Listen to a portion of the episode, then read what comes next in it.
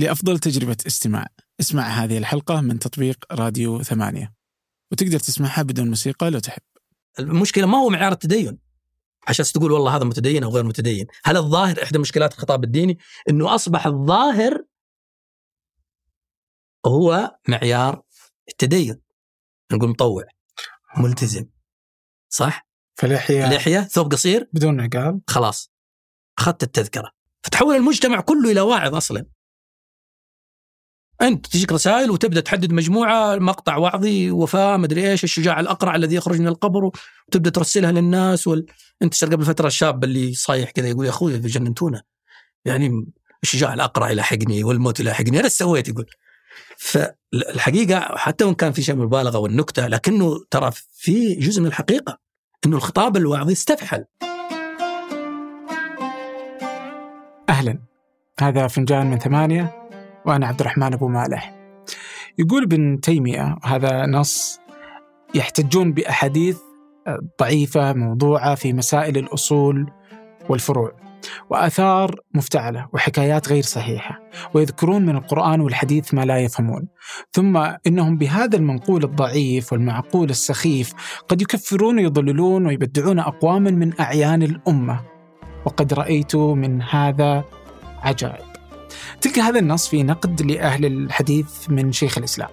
واليوم تلقى لما نتكلم عن نقد التدين والخطاب الديني يعتبر من المواضيع الحساسة. وبحثت عن كتب ودراسات في تحليل نقد الخطاب الديني لأن الخطاب الديني موضوع كبير جدا وأثره على المجتمع واضح وجلي. وجدت كتاب يتحدث عن الخطاب الفقهي وآخر عن الخطاب الوعظي قديما وحديثا. ولكاتب واحد بحث المسألة عبر العصور من فجر الإسلام حتى يومنا هذا. الدكتور عبد الله السفياني باحث سعودي مهتم بالنقد وتجلياته في الخطاب الإسلامي. هذه الحلقة تطرح وتجيب عن تساؤلات كثيرة. ما الذي يؤثر على العلماء الفقهاء؟ ما العوامل النفسية اللي تؤثر على الفقيه؟ كيف يتعامل مع الهوى مثلا؟ ليه اختلف العلماء والفقهاء على أمور تصل إلى التناقض ليه يبيح النبيذ في العراق والغناء في المدينة وزواج المتعة في مكة. كيف نفهم هذا الاختلاف؟ ومتى يجوز الوعظ؟ ليه شعيرة مثل الأمر بالمعروف والنهي عن المنكر؟ فهمناها بطريقة غير ما أرادها الشارع. ليه يستسهل الوعاظ الكذب؟ حتى يقول بعضهم نحن نحن لا نكذب على الرسول بل نكذب له. الحلقة تتطلب تسمع برغبه فهم الأفكار للحكم عليها. قبل أن نبدأ الاقتراحات والأفكار لمواضيع أو أشخاص ساعدنا في إنتاج حلقات متنوعة مثرية. كل الرسائل نقرأها ونعيرها بالغ الاهتمام سواء الاقتراحات للضيوف أو المواضيع أو أي فكرة من شأنها تحسين فنجان أو ثمانية. أما الآن لنبدأ. يعني في كتابك في الخطاب الوعظي كنت تقول إنه مناطق الخطاب الإسلامي رغم تنوع اطيافه إلا إنهم كلهم عندهم حساسية في نقده وتطويره. أوكي؟ آه فودي أعرف أصلا ليش سبب التحسس تجاه تطوير ونقد الخطاب الإسلامي رغم إنه ابن تيمية وغيره سبق وانتقد أهل الحديث و... صحيح. آه هو إذا فهمت سؤالك جيدا أعتقد أن تتكلم عن آه وجود حساسية من النقد عند التيارات الإسلامية. من تطوير الخطاب الإسلامي. هو شوف أو تجديده يعني. حساسية النقد هذه موجودة سبحان الله عند الجميع. الكل يتحسس من النقد بدرجة أو بأخرى لأن النقد في الأخير هو جزء من أو جزء كبير منه هو كشط المناطق الواضحة من الجسد، جسد الخطاب، جسد النص إلى آخره. وهي عملية مؤذية في الأخير يعني وموجعة. لكن حتى في الشعر مثلا يعني الشعراء عندهم حساسية عظيمة من من النقاد ومعارك بينهم لا تكاد تنتهي يعني الشاعر إذا نقدته دخلت في متاهة عظيمة يعني معه وأصبحت عداوة وعداوة الشعراء بئس المقتنع. ف... فطبيعي يكون في هذا التحسس موجود إلى حد ما يعني. جزء من هذه المشكلة الخطاب الإسلامي أين هي؟ تكمن في فكرة الدين نفسه. كثير أو خلينا نقول بعض من يتبنون الخطاب الإسلامي سواء علماء مفكرين دعاة سمى ما شئت يحصل لبس دائما بين منطقة الدين كدين وبين منطقة التدين أو الخطاب كمنتج بشري. فلما تنتقد أنت خطاب ديني عند عبد الرحمن أبو مالح مثلا يفهم منه مثلا إنك قاعد تنتقد إيش؟ الدين نفسه. تنتقد النص نفسه. وهذه الإشكالية يعني قد تفسر لك مثلا الانتقادات اللي كان يوجهها طاش ما طاش للخطاب الديني مثلا ثم تحمل في بعضها أو أكثرها على أنها نقد للدين نفسه للنص نفسه للقرآن للسنة أو غيرها من بس 16 18 كثيرة جدا. فهذه المنطقة التماس اللي بين الخطاب باعتباره نصا ووحيا باعتباره دينا والخطاب باعتباره منتج بشري. هي التي تسبب الحساسية العالية جدا عند رواد الخطاب الإسلامي في تقبل النقد لأنه لا يستطيع بعضهم إلى الآن الفصل بين منطقة نقد الدين نفسه كدين معطى سماوي إلهي مفارق وبين نقد التدين كحالة طبيعية بشرية يمكن لأي أحد أن ينتقدها ويكشف أخطائها وهو عمل يعني تاريخي مثل ما تفضلت أنت لا, لا ابن تيمية وحده ولا من قبل ابن تيمية كثير جدا كانوا ينتقدون الجماعات ينتقدون الفرق ينتقدون الطوائف كتب مثلا الملل والنحل هذه كلها آه، فيها نقد للطوائف والأجناس. الإسلامية و آه، كشف لمواضع الخطأ فيها مواضع مفارقتها للنص ابتداء إلى آخره الجدل يعني شائع ومعروف. يمكن أن نضيف شيء آخر أنه في الخطابات المعاصرة الخطاب الإسلامي المعاصر تأثره بالحركات السياسية يعني خلينا نقول معني ما أحب هذا المصطلح الإيديولوجيا يعني تحول الخطاب الديني في بعض هذا إلى إيديولوجيا يعني هو الخطاب الذي يكون ديني لكنه أيضا يتقمص أفكار آه، سياسية فتصبح الحساسية بشكل أو بآخر أكبر لأنه يصبح الدين يمكن توظيفه لخدمة أغراض آه، آه، حزبية أو سياسية أو سمها ما شئت، قد يكون هذه الأسباب فعلا اللي تؤدي بهذه الحساسية وهذا أيضا لا يمنع أن نقول أن هناك من يتقبل بصدر رحب النقد والانتقاد ويحاور ويجادل في التيارات الإسلامية القديمة والمعاصرة. موجود هذا الصنف وهذا معاصرة يعني بناخذ ونعطي فيها لكن يعني إذا إنه موجود. لكن أنت لما يعني يوم سألتك عن النقد أنت ضربت مثل بالشعراء وانه الناس في طبيعتهم ما يقبلون النقد.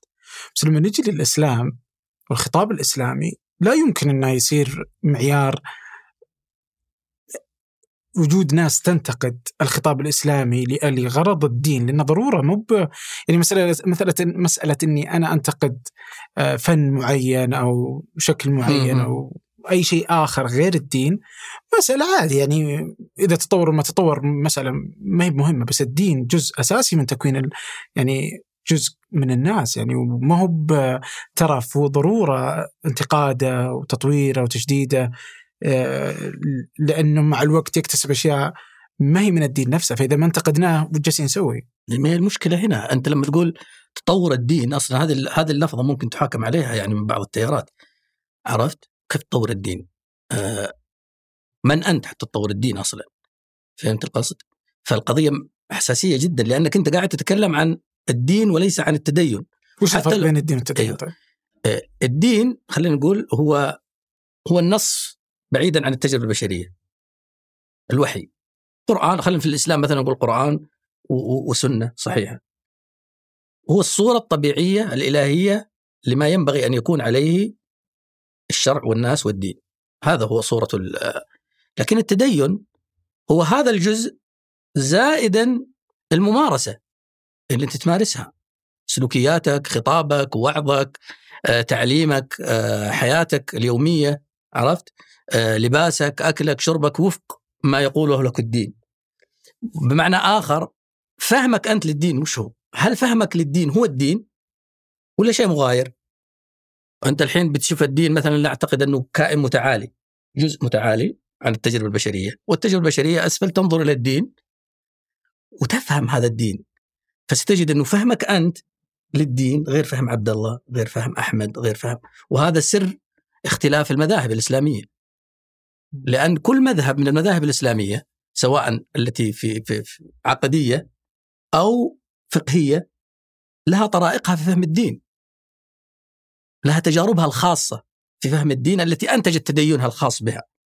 فلما أجي أنا مثلا أنتقد الحنابلة أو المالكية في مسائل فقهية معينة، أنا لا أنتقد الدين، إنما أنتقد فهم مثلا المالكية في هذه المسألة أو فهم الحنابلة في هذه المسألة أو حتى على مستوى العقائد والخلاف فيها أشد وأنكى وفيه يعني في حدود أعلى من الخلاف الفقهي. يعني الخلاف العقدي آه، يصل إلى فكرة الكفر والإيمان. يعني بدوائر خطيرة جدا الخلاف فيها يعني والجدال فيها كبير. لكنه أيضا جدال في فهم النص يعني.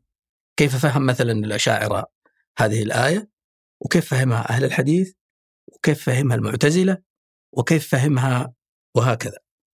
وستجد يعني باستثناء بعض الطوائف مثلا أنه فهمهم ليس فهما اعتباطيا بمعنى آه يعني يضع رجل على رجل ويقول هذه الآية يقصد بها كذا لا ستجد عندهم أدلة ومستندات ومعايير للترجيح. في الفهم يعني ليس اعتباطيا لما يشرح لك آية من الآيات ويقول لا المذهب فيها كذا. ليس اعتباطيا. وإنما على قواعد ترجيح ولذلك في كل مذهب من المذاهب الفقهية ولا حتى العقدية عندهم قواعد للترجيح إذا اختلفت المسائل بينه وبين الفقهاء. وهي مسألة ليست جديدة بالمناسبة يعني. فكرة الاختلاف في فهم النص فكرة في عهد الرسول صلى الله عليه وسلم كانت موجودة. وكان الرسول صلى الله عليه وسلم يراها و... ويقرها. يعني مسألة حديث النبي صلى الله عليه وسلم لا يصلين أحد منكم العصر إلا في بني قريظة. ناس صلوا العصر متأخرين في بني قريظة. جزء آخر صلى في الطريق. طيب الرسول صلى الله عليه وسلم قال نصا واضحا. ناس فهموا أن المراد هو الكناية عن الإسراع. فلذلك حنصلي في الطريق ونواصل بعدين. وناس فهموا لا. فهموا النص على ظاهره أنه ما تصلي إلا في بني قريظة. صح ولا لا؟ طيب هذا هذا نص وهذا فهم وفهم. وكل الأفهام الرسول صلى الله عليه وسلم أقرها. يعني ما قال لا أنتم الصح وأنتم الخطأ و... أعطيك مثال أشد وضوحا. حديث حديث مسلم. إذا جاءكم المداحون فاحثوا في وجوههم تراب. معروف الحديث. طيب حين وش تفهم من الحديث؟ إنه إذا جاك مادح مدحك تأخذ الله يكرمك حثو التراب وتطشه في وجهه. على ظاهره و... لما تيجي في مسلم شرح مسلم للنووي يتكلم عن هذا الحديث تقول يعني ذكر مذاهب مثلا قال لك يقول مثلا آه، منهم من أخذ بظاهر الحديث. وهناك من أخذ معنى آخر وهو إذا جاءكم المداحون فاحرموهم. لأنه جاك يريد العطاء فأنت لا تعطيه احرمه والعرب تكني عن ذلك بالتراب وما زالت هذه الكناية موجودة. الحين أقول لك مثلا ترى عبد الرحمن في شخص يطلبك مبلغ من المال تقول ماله عندي إلا التراب الله يكرمك. كناية إنه ماله للحرمان ما ماله عندي شيء. عرفت؟ هذا معنى من المعاني. تتحمله اللغة ويتحمله النص. معنى ثاني إنه إذا جاكم المداحون أكرموهم أعطوهم فلوس. طيب شلون هذا المعنى؟ ولذلك الشاعر يقول إذا صح منك الود فالمال هين وكل الذي فوق التراب تراب. ترابه طيب النووي لما يذكر هذه الأقوال اللي تشوفها متناقضة صح ولا لا؟ متخالفة متغايرة. ما يشنع على من قال بهذا القول وهذا القول. لماذا؟ لأنه النص يحتمل واللغة تحتمل. وهذا اللي أبغى أقوله أنه ليس الاختلاف اعتباطيا. يعني ما يجي واحد يقول لا معنى أعطوهم تراب يعني آه اقتلوهم. من فين جبت تقتلوهم؟ ما في ما في أي مرجع أيوه مرجع تستند إليه، يعني بعض المذاهب الباطنية مثلا الغنوصية اللي كانت تؤول بدون بدون أن يكون هناك مستند لغوي. وأيضا المذاهب الحديثة الحداثية أو ما بعد الحداثية التي تفتح النص على آفاق غير موجودة في داخل النص ولا في لغة النص أيضا نفس الوضع هذه هذه نوع من من العبث اللي تقاومه اللغة ويقاومه أيضا الفكر. طيب إذا جينا نقول أنت آه، برجعك لنقطة الدين والتدين يعني آه، بكاد أتصور وما أدري وافقني ولا لا انه ما في أحد ما نقدر إلا نوافقك يا شيخ. الله يسعد قلبك والله. آه، ما في أحد يعتقد إنه النقد للدين ذات حتى وإن اختلفنا في المصطلح. فنقد الدين الأكيد إن كل الناس تقصد نقد التدين. صحيح. فإذا إحنا كلنا متفقين وإذا العلماء ما بينهم وبينهم يدرون أن نقد التدين هو آه، نقد الدين هو في الأخير القصد هو نقد التدين فوين بدأ الاختلاف؟ يعني ليش صارت في هذه الحساسية وإحنا ننتقد آه، أفكار بعض وفهمنا لآراء بعض.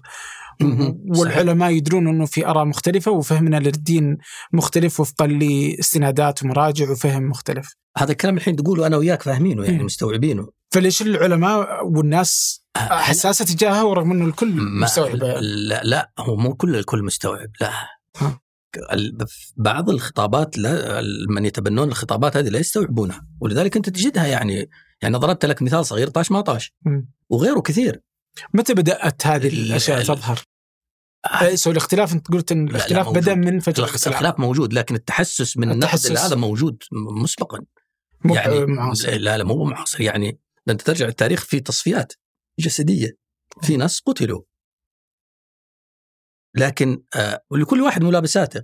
والتاريخ يعني في هذه الأمور يعني غامض جدا يعني. آه لكن في ال- في العصر الحديث أتوقع أنا لماذا فعلا ظهرت مثل ما تفضلت أنت هي واضحة بشكل كبير. أنا أقول أنه جزء منها يرجع إلى فكرة آه فكرة تحول الخطاب الإسلامي من خطاب عادي عفوي مباشر يمارسه كل الناس إلى خطاب في نوع من زي ما قلت لك أنا من التحزب نوع من الحزبية نوع من ال- التشدد. نوع من التقوقع حول إنه هذه فكرة لا يمكن أن تقبلها يعني. و يعني حتى وصلنا إلى نوع من ال- بعض الشخصيات أصبح عندها نوع من العصمة. انت تعرف مثلا في التص... في التص... في, ال... في, ال... في الاتجاهات السنية والسلفية مثلا لا يؤمنون بالعصمة لأي أحد إلا إلا للنبي فيما يبلغه من وحي عن ربه فقط. ولا بقية البشر هم معصومين. لكن لما تشوف الممارسة ولما تتكلم على مستوى الخطاب والفهم كلهم مثل ما قلت أنت يقول لك لا ما في أحد معصوم. لكن لما تمارس الخطاب نفسه النقد على شخصية معينة تشعر بتوتر من الطرف الآخر. ما عنده قدرة على قابلية أن أن تنتقد الشخص الفلاني أو الشيخ الفلاني أو العالم الفلاني المعاصر فضلا عن القدماء. يعني مثلا إحدى الإشكاليات اللي عندنا ابن تيمية ما دام جبت سيرته مثلا. ابن تيمية آه في إشكاليتين كبيرة في التعاطي معه. إشكالية في في في النظرة التقديسية لابن تيمية اللي قابلها نظرة أخرى متطرفة تمخيسية لابن تيمية. التقديسية هذه تكاد يعني تضع ابن تيمية في مصف الأنبياء. يعني الكتاب اللي كتبته عن ابن تيمية أنا دراسة في عقل ابن تيمية النقدي. أذكر من الردود في تويتر ملنت حتى تشوف عقل ابن تيمية؟ كثير. وش دخلك أنت في ابن تيمية؟ وتجد يعني كثيرا ما تسمع هذه العبارة عند الأوساط السلفية. ابن تيمية لم يفهم أحد. قليل اللي يفهمون ابن تيمية. مثل طيب ليه ما نفهم ابن تيمية؟ وليش قليل اللي يفهمون ابن تيمية؟ في محاولة لأسطرة ابن تيمية. وهو لا شك عالم كبير. بس ما يمكن برضو إن لغته صعبة. لا هو مو بقضية اللغة. علينا. إيه، لا مو بلغة اللغة. هو القضية إنه بن... عشان ابن تيمية بس؟ ولا في ناس أصعب ابن تيمية في لغته أنا أشوف لغته سهلة. يعني في ناس أصعب بكثير من من ابن تيمية بس ما حد قال عنهم هالكلام. فاهم؟ زي ممكن هذه تنطبق على على أبو تمام. أبو تمام كانوا يقولون لماذا لماذا تقول ما لا نفهم؟ كان يقول لهم لماذا لا تفهمون ما أقول؟ فجزء كانت مشكلة عند ابن تمام اللي تقول اللي هي المجازات الجديدة والاستعارات اللي كان أبو تمام يطرحها. هز اللغة القديمة بلغة جديدة لكنه في داخل حقل اللغة ما خرج. في داخل النسيج اللغوي الكبير وهو الذي صنع الحماسة. يعني هو متكئ على التراث ترى أبو تمام يعني وهو شيخ الحداثة يعني. لكن ابن تيمية لا هو جزء من إنه هذا رجل بلغ درجة من لا يمكن أن تنتقده. ولذلك الدراسات اللي كتبت ابن تيمية مثلا عندنا في الجزيرة العربية في السعودية أو في الخليج أكثرها دراسات لمقولات ابن تيمية وليست لفكر ابن تيمية نفسه. كيف يفكر؟ وهذه نقطة يمكن بعدين نتكلم عنها اللي هي واقعين فيها مو ابن تيمية في شخصيات كثيرة في الدراسات الإسلامية. لكن في هذه النظرة الموجودة عند ابن تيمية أنه ما حد يفهمه. وإذا انتقدت شيء قال أنت صلم ما أنت فاهم ابن تيمية. وإذا كتب أحد مقال عن ابن تيمية قال لك والله ترى ما هم فاهمين. حتى من الشرعيين أنفسهم.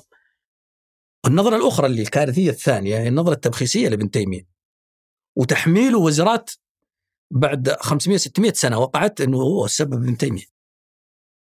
وابن تيمية يعني كان متشددا كان متطرفا نصه ضعيف مدري آه، بل ممكن ينزع من الحقل العلمي ككل ومن الحقل الفلسفي ككل إلى آخره. بس ما يمكن برضو إنه في ناس تقدر تقرأ على إنه متشدد. فليش تشوفوا إنه في هذه الطريقة في هذه الحالة إنك تبخس هو ما عندي مشكلة إذا عبد الرحمن بن مالح قال ابن تيمية متشدد ولا ابن قيم متشدد ولا الرازي متشدد أو غيره بس م. بأي طريقة قالها م. فهمت؟ بمعنى إنه عبد الله السفياني متكي على أريكة وما لا يدري وين الله موديه والله ويبدأ يصنف هذا العالم كويس وهذا مو بزين وهذا متشدد هذه أشياء تحتاج إلى بحث إلى دراسة إلى قراءة إلى استقراء إلى فهم إلى استيعاب بعدين قل لي متشدد ولا مو متشدد؟ عرفت القصد؟ وحتى في الشعر. في كل شيء. الحين مثلا واحد يقيم مشروع ثمانية ولا مشروع أدب ولا ممكن تستفيد من تقييمه إذا إذا كان عن دراسة مثلا. لكن ممكن أنا ما أعرف ثمانية ولا سمعت فيها بس اعتباطا يعني. فابن تيمية أنا أقول هو بحاجة ما زال. شوف على كثرة الدراسات اللي كتبت فيه خصوصا في العالم العربي أنا أعتبر يعني آه بدون مبالغة إنه كثير منها لا فائدة منه. لأنه إعادة لإنتاج مقولات ابن تيمية. المقولات للنتائج اللي وصل لابن تيمية. بينما هناك اهتمام كبير جدا ويمكن جلست انت مع محمد عبد الباري ومع ياسر المطرفي وغيرهم المهتمين في الدراسات الإسلامية في العالم الغربي عن كثير من الشخصيات ومن بينهم ابن تيمية. صحيح. لكن دراسات مغايرة تماما عن اللي عندنا، قاعدين يبحثون في عقل ابن تيمية فعلا. يعني الحين إحنا دائما في الأفكار عندنا مدخلات وعندنا مخرجات وعندنا في النص عمليات. إحنا في العالم العربي مهتمين دائما بالمقولات فتاوى ابن تيمية آراء ابن تيمية ترجيحات ابن تيمية ابن حزم ابن القيم عشان لا احد يقول أنتم مركزين على ابن تيمية بس كله نركز على النتائج فقط. فعلى المخرجات فقط. المخرجات. المخرجات هذه صحيح هي ابن تيمية وهي ابن حزم وفلان وفلان لكنها دائما تخضع لسياقات طبيعية أخرجتها. سياقات تاريخية سياقات اجتماعية آه، سياقات الفهم نفسه وطريقة الفهم. لكن إحنا ما نركز على العمليات عمليات العقلية لكيف وصل ابن تيمية إلى هذه الفكرة؟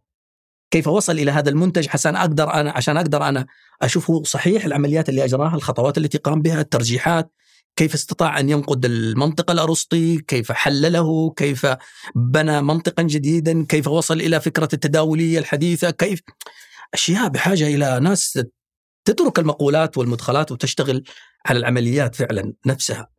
ولذلك أستطيع أقول لك مثلا إنه ممكن تجد شخص حداثي غارق في الحداثة متأثر بابن تيمية. وتجد شخص سلفي غارق في السلفية بينه وبين تيمية كما بين السماء والأرض. لأنه هذا السلفي فعلا هو موافق في بعض النتائج والمقولات لابن تيمية. لكن طريقة تعاطيه مع المعرفة ومع الفكر ومع إنتاج حالة التدين تختلف جذريا مع ابن تيمية، مرة جذريا تختلف وتستطيع أن تجري بحثا ويمكن بعض الباحثين يشتغل على هذا الأمر. المسافة الفاصلة بين ابن تيمية وبين السلفية المعاصرة. هل هي قريبة من تيمية فعلا؟ ولا بعيدة عنه؟ إيش تتوقع؟ أنا أتوقع آه ويجب أن يكون عن دراسة، هذا ما هو ليس نتيجه نهائيه بس توقع مثل ما قلت أنت أحسنت اختيار إنه سيجد فاصل كبير جدا. وأنا أكلمك عن نفسي أنا عرفت ابن تيمية مرتين. مرة قبل أن أدرسه ومرة بعد أن درسته. واكتشفت إني ان اللي قاعد أدرسه شخص آخر. واو شخص آخر غير الموجود في الواقع الاجتماعي في الخطب في لأنه ابن تيمية لدينا تحول إلى شخص يستدل به ولا يستدل له. فهمت؟ يعني تجد آه يتكلم عن موضوع قال ابن تيمية قال وتجد اسمه يتكرر أكثر من القرآن والسنة.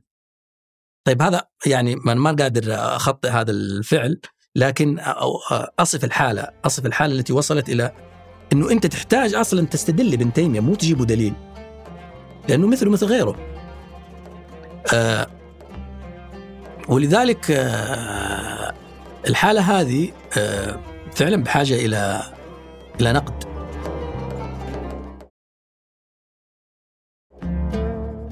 طيب من هو أبو ابن تيمية الأول؟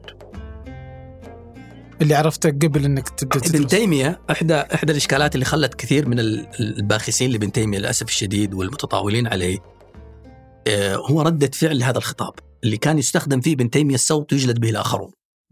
لا لا بس أنت تقول إنك هذه هي الحين بقول لك إياها آه، فاهم عليك. إنه صار يستخدم لجلد التصوف الصوفية يستخدم لجلد الأشاعرة يستخدم لجلد آه، كل من يخالفها فالطوائف الأخرى وال- والناس الآخرين يظهروا بابن تيمية كيف؟ حتى العصاة مثلا والمخطئين وال... في الخطب الجمعة يطلع لك ابن تيمية وفي وانت لو كنت من الاشاعر يطلع لك ابن تيمية في وجهك. فيصير عندك ردة فعل يعني طبيعية لهذا الرجل اللي في كل شيء يظهر لي. بمعنى إنه ابن تيمية صار ينتزع من سياقه الطبيعي اللي له فيه أقوال زينة وفي أقوال م- آه، وسط وفي أقوال طبيعي زي زي البشر يعني. هو عبارة عن آه، منحنى طبيعي. منحنى في إنتاجه باعتبار عمره الزمني يعني تجد له أقوال في بداية حياته تختلف عن أقوال في نهاية حياته طبيعي يعني. تجد له أقوال يتشدد فيها تجد له م- آه، يتراخى فيها تجد له أقوال يتراجع فيها زيه زي غيره. لكنه لا يحضر إلا في مواضع ال- ال- الشدة. الشدة والعنف وال- والإقصاء إلى آخره. وبذلك هذه الصورة اللي عندك عن ابن تيمية إنه شخصية لكن لما تقرأ آه، تجد هدوء مع إنه يتهم بالحدة ابن تيمية. ترى وكتبت أنا مقال عن هل ابن تيمية كان حادا أو لا لكن بغض النظر عن ذلك تقرأ شخص آخر يعني شخص طبيعي جدا يعني ليس بالصورة التي آه، يصفها آه، التي حضرت في المشهد دون قصد أو بقصد وليس أيضا بالصورة ال- ال- الباخسة التي للأسف يقدمها بعض بعض الذين يعني يحتاجون إلى إعادة نظر في تفكيرهم والخروج من دائرة ردة الفعل إلى الفعل إلى القراءة الواعية. ولذلك كثير من الفلاسفة الذين يعني والمفكرين العرب الذين قرأوا ابن تيمية تجد إنهم يعني يقيمون لهذا الرجل وزنة ويحسبون له حسابه يعني ومهتمين فيه اهتمام حقيقي يعني. والدراسات في هذا كثيرة جدا. وأنا أتوقع في في الفترة الأخيرة ستزداد الدراسات سواء في العالم العربي أو في في العالم الغربي باعتبار ابن تيمية يعني يحضر اسمه بكثرة في خطابات متنوعة جدا حتى على المستوى اللغوي اللي ابن تيمية أصلا لا يعتبر متخصص فيه طيب ذلك وش ال- المجتمع والبيئة في تكوين الفقيه من الناحية العلمية؟ إيه أنت الحين تبغى ترجعنا لكتاب حجاب الرؤية مم. هو من الكتاب يمكن له الآن عشر سنوات أو ثمانية سنوات آه الحين العلماء لما آه جاءوا للفقه وجدوا خلاف صحيح. ومذاهب ومختلفين و... طيب لماذا يختلف العلماء؟ والدين واضح. القرآن واضح والسنة واضحة الصحيح منها وحتى الغاء الحديث غربلوها وطلعوا الضعيف وطلعوا الموضوع. لكن الخلاف موجود. ولذلك لما تكلموا عن أسباب الخلاف تكلموا عن سببين جوهريين عظيمين. الأول وهو الخلاف في ثبوت النص ثبوت النص اللي إحنا مختلفين فيه. والخلاف الثاني أسبابه تعود إلى فهم النص. ثبوت النص تقول لي والله هذا الحديث ضعيف ما ما, ما أخذ به. تأخذ به أنت هذا هذا حديث ضعيف. وأنا أقول لا هذا الحديث صحيح. فهذا سبب الاختلاف إنه النص ثابت ولا مو بثابت فعند ناس تلقاه ثابت وعند ناس مو بثابت وهذا أحد الأسباب. فهم النص وهو الأعظم والأكبر. ففي ناس تفهم إن النص عام. وفي ناس يقول لك لا هذا النص خاص. وفي ناس يفهمون إنه مقيد وفي ناس يفهمون إنه مطلق وفي ناس يفهمون زي الحديث اللي مرينا فيه في صحيح مسلم يفهمون الظاهر وفي ناس لا يقول لك الحديث هذا ليس على ظاهره. وإنما فيه كناية وفيه تأويل يمكن أن يحمل عليه وهكذا. فهذه أسباب آه، طبيعية جدا. وهي ليست موجودة فقط في النص الشرعي لل- للمعلومية يعني واظنك تعرف هذا الشيء جيدا. أنا أنت الحين لو تقول واحد كلام ممكن يفهمه على وجه واللي في المجلس الثاني يفهمه على وجه آخر طبيعي يعني. وهذا يرجع إلى أصل نظرية التلقي يعني يعني جزء من مشكلاتنا أيضا أو من من الأسباب هو آه، حجم المعرفة اللي عند عبد الرحمن واللي عند عبد الله واللي عند فلان التي تمكنه من استقبال النصوص. فلا شك أنا كل ما زادت معرفتي الفقهية والشرعية واللغوية والاجتماعية كل ما زادت المعرفة عند المتلقي كل ما زاد استيعابه لأشياء يراها في النص لا يراها غيره. فإنتاج النص ليس فقط على المتلقي على على على الملقي بل أيضا المتلقي يساهم في إنتاج وفهم النص بشكل أو بآخر. وأنا أحب أضرب مثل واحد أسرق منه دائما فلذلك أنسبوه لي ما عليكم. الحين تعرف أنت آه، ال- ال- ال- الشاشات HD. لو افترضنا أنه فيه عندنا جهاز يرسل تقنية HD. تبث القناة هذه HD. بس أنا الشاشة اللي عندي أبيض وأسود. كيف سأستقبل؟ أبيض وأسود. يا جماعة الخير أنا أشوف أبيض وأسود. تقول لي يا ابن الحلال الصورة ملونة ودقة عالية و طيب المشكلة في المستقبل ولا في الملقي؟ المرسل هناك يرسل لك دق بس تجي تقول المشكلة في ابن تيمية. لا يا حبيبي المشكلة فيك أنت كمتلقي. أنت تقنياتك في الاستقبال ضعيفة تحتاج تطورها. مع ابن تيمية ولا مع غيره؟ فايش جابنا هذه؟ إحنا كنا نتكلم إيه؟ عن أسباب الخلاف. ف طيب. أنا في حجاب الرؤيه أطرح فكرة موجودة مبعثرة في كتب الفقه لكنها غير مأخوذة إنه في أسباب أخرى مهمة في سبب الخلاف الفقهي وحتى العقدي. إنه ليس دائما سبب الخلاف هو قواعد الترجيح وهو الفهم ولا في أسباب أخرى يعني مسيطره بشكل شعوري أو غير شعوري. على الفقيه أو على العالم أو على أو على أي شخص يقرأ أي نص. توجهك دون أن تشعر. في إطار معين إيه، يحكمك دون أن تشعر. من ذلك اللي ذكرتها أنت البيئة الاجتماعية اللي نشأت فيها. بيئة م- مع 100 سنة مثلا هي تسير على نمط معين من الحياة ومن الآراء الفقهية اللي تديرها. أو من المنظومة الاجتماعية اللي تديرها أو من العادات والتقاليد إلى آخره. تختلف عن بيئة أخرى مغايرة في منطقة أخرى نشأت على أقوال غير الأقوال التي أنت نشأت عليها. وعلى غير العادات اللي نشأت عليها. وهذا يفسر لك إنه تجد قول فقهي منتشر في بلاد وقول آخر منتشر في منتشر في بلاد أخرى. من الأقوال الفقهية مثلا تغطية الوجه مثلا ال- ال- ال- ال- الحجاب الكامل للوجه. تجد مثلا في السعودية مخالف للمغرب لمصر ل هل يعني هذا إنه بيئة معينة هي التي عندها الحق ورجحت الدليل صحيح والبيئة الثانية لا؟ هو بيئة اجتماعية. انتشر هذا القول في هذه المنطقة وتناقلوه الناس وأصبح سلوك يومي والى اخره و- وفي الم... يعني آه، مسألة النبيذ. من المسائل القديمة. وكان الأحناف مثلا يرون إنه آه، آه، النبيذ آه، لا بأس به. كان أهل الكوفة معروفين بشرب النبيذ ما هم أهل الكوفة بس العلماء يجيزونه بينما ال- المناطق الأخرى والفقهاء في المناطق الأخرى يرونه محرما ويسمونه خمرا فلذلك قد تجد عند بعض الرواة يقول لك كان يشرب الخمر ما كان يشرب الخمر كان يشرب هو عالم وراوي لكن كان يشرب النبيذ الذي يراه جائزا. لما دخل ابن حنبل آه، الكوفة كانوا يقولون لم يكن هناك أحد يقول بتحريم النبيذ في الكوفة غير أحمد. أحمد. ولذلك لما هو كان ذكيا ألف كتاب الأشربة في الكوفة. كان يأخذه معه في في كمه يحط اللي. كانت كذا كبير يحط الكتاب معاه وي- ويقرأ عليه في المسجد وهو ماشي في الطريق. ويقرأ عليه كتاب الأشربة. قاعد أنا أفكر كذا أنه ابن حنبل يريد أن يؤسس لعادة جديدة. لإخفاء مذهب فقهي وإحلال مذهب آخر يراه راجحا. فهمت القصد؟ فهذه أحد الأسباب ال- الاجتماعية. أسباب ثانية الطبيعة الشخصية يا أخي. طبيعتك الشخصية كفقيه أو كإنسان طبيعي أو في أي شيء تؤثر على اختياراتك.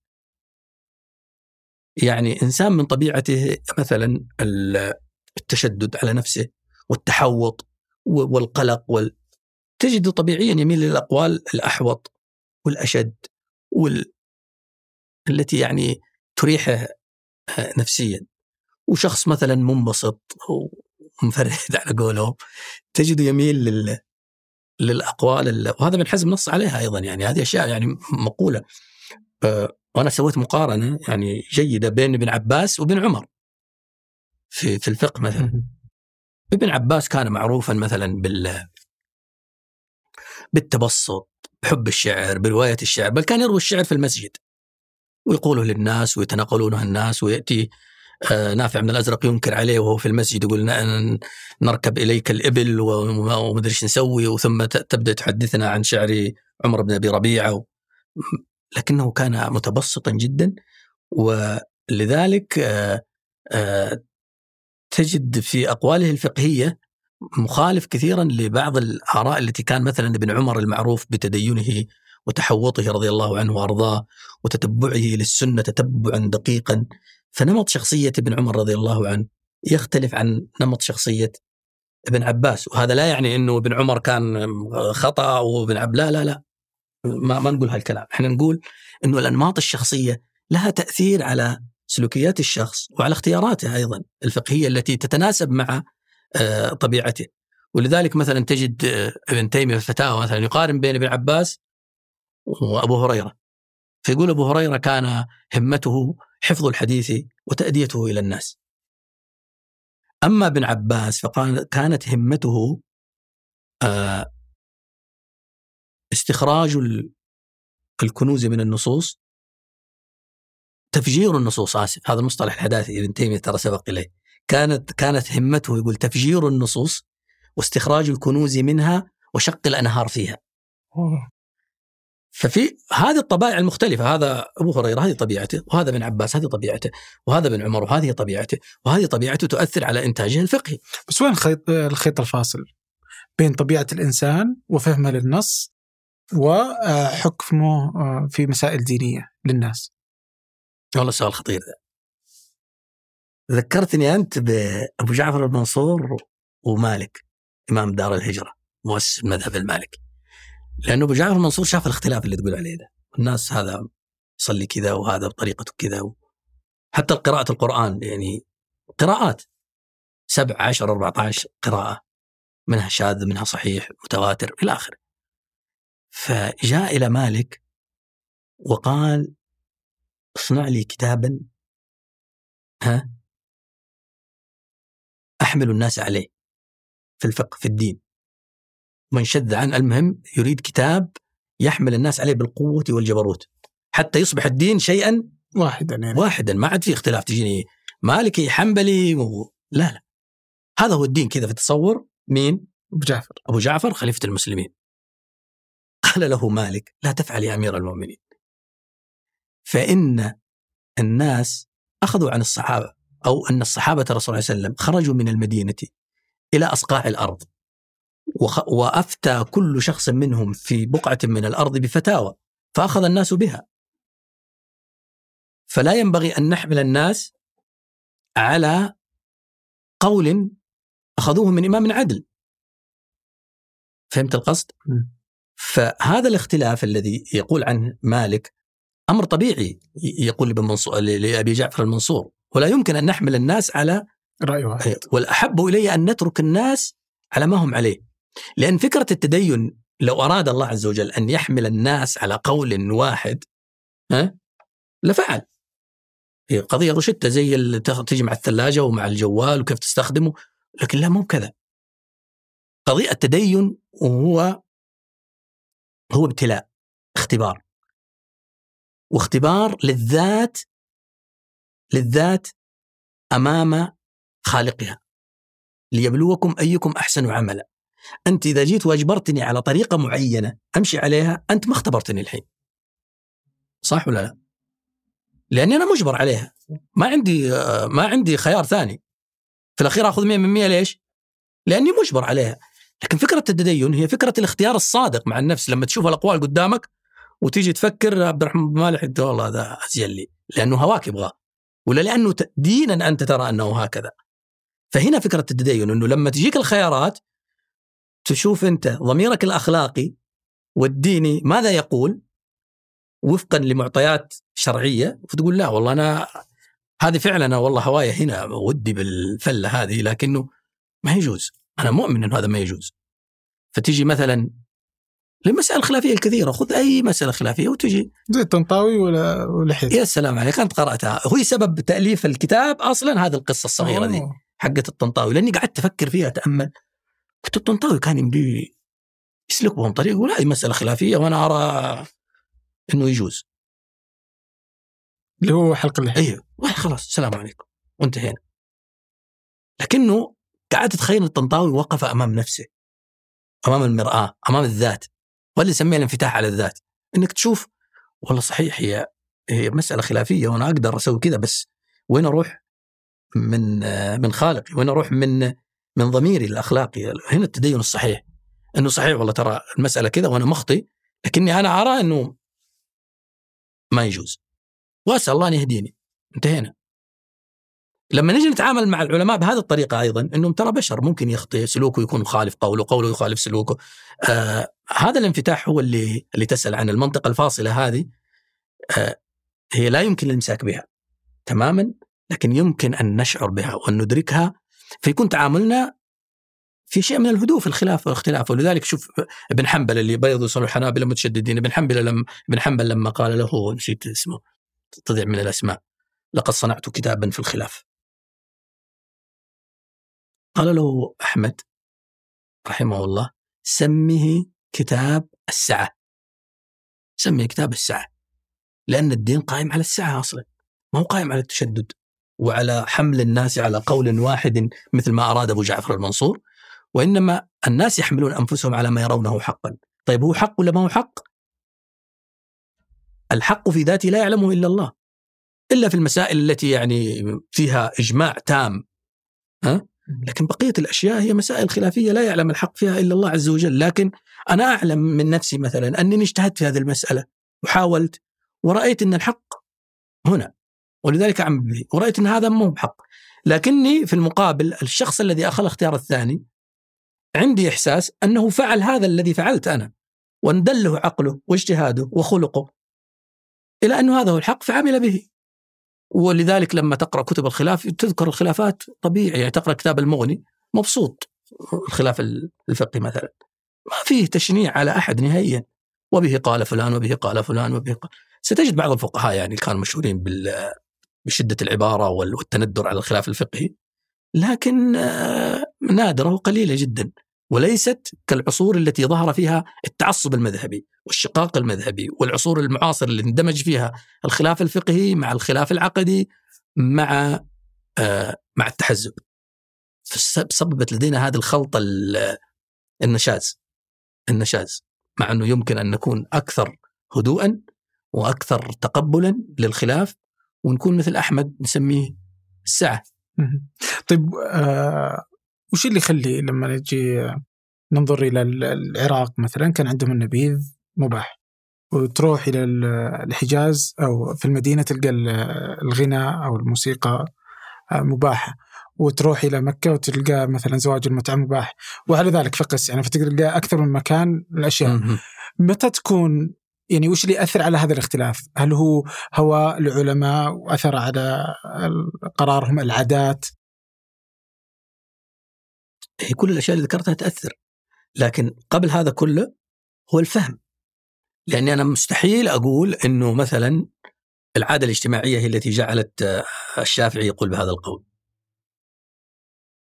أنا عندي إنه الشافعي وأحمد وبقيه العلماء كانوا على قدر كبير من التدين ومن الأخلاق ومن العلم الذي يجعلهم يحتاطون. بس ما تأثر العادات عليهم؟ لكن تأثير العادات والانماط الشخصية آه القول السائد الفكرة السائدة هذه تؤثر تأثير غير مباشر. واحيانا تكون إطار أنت ما تشعر فيه أصلا. تكون كالمسير فيه.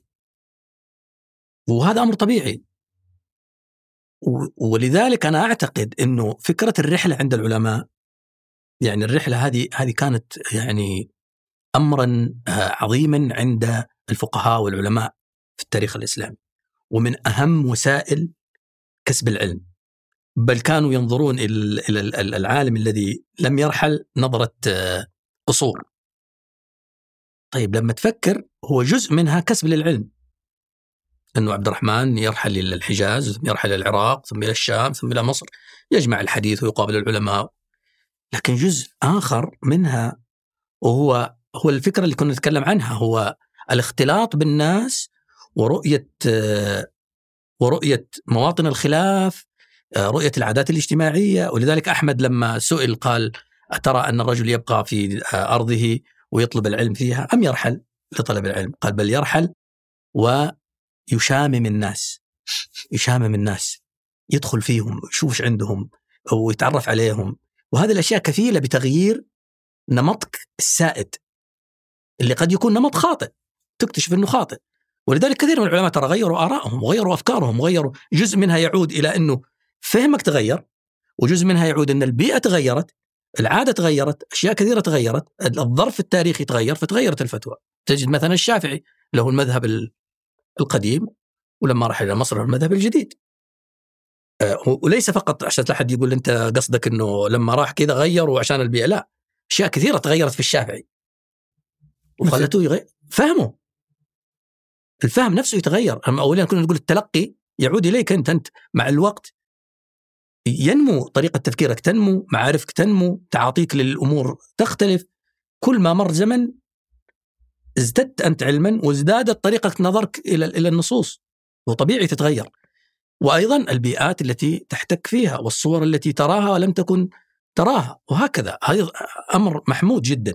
وأعتقد أن الرحلة كان جزء من أهدافها هي هذا الهدف. أنه يكون لدى الفقهاء تصور لأحوال الناس. كيف هي كيف عاشوا كيف يعيشون كيف يكون تعاطيهم الاجتماعي إلى آخره. وبناء عليها تكون الفتوى لأن الفتوى هي تنزيل على الواقع على واقع الناس. ولذلك ما زلنا نقول إنه البيئات التي ليست بيئاتك لا تفتي فيها. وإحدى إشكاليات الجاليات في الخارج إنه كانت وأظن ما زالت إلى الآن بعضها تتلقى فتاوى من خارج بيئتها من خارج بيئتها.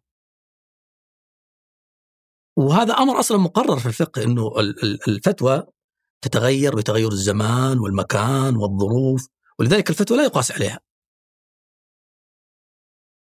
لأنها إنتاج لظرف معين خاص بعبد الرحمن. ما هي لعبد الله؟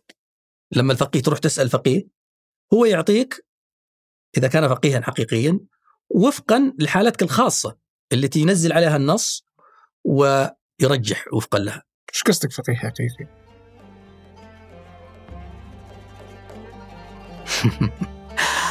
لأنه في ناس يتعاطون الفقه ليسوا بفقهاء، طبيعي يعني هذا.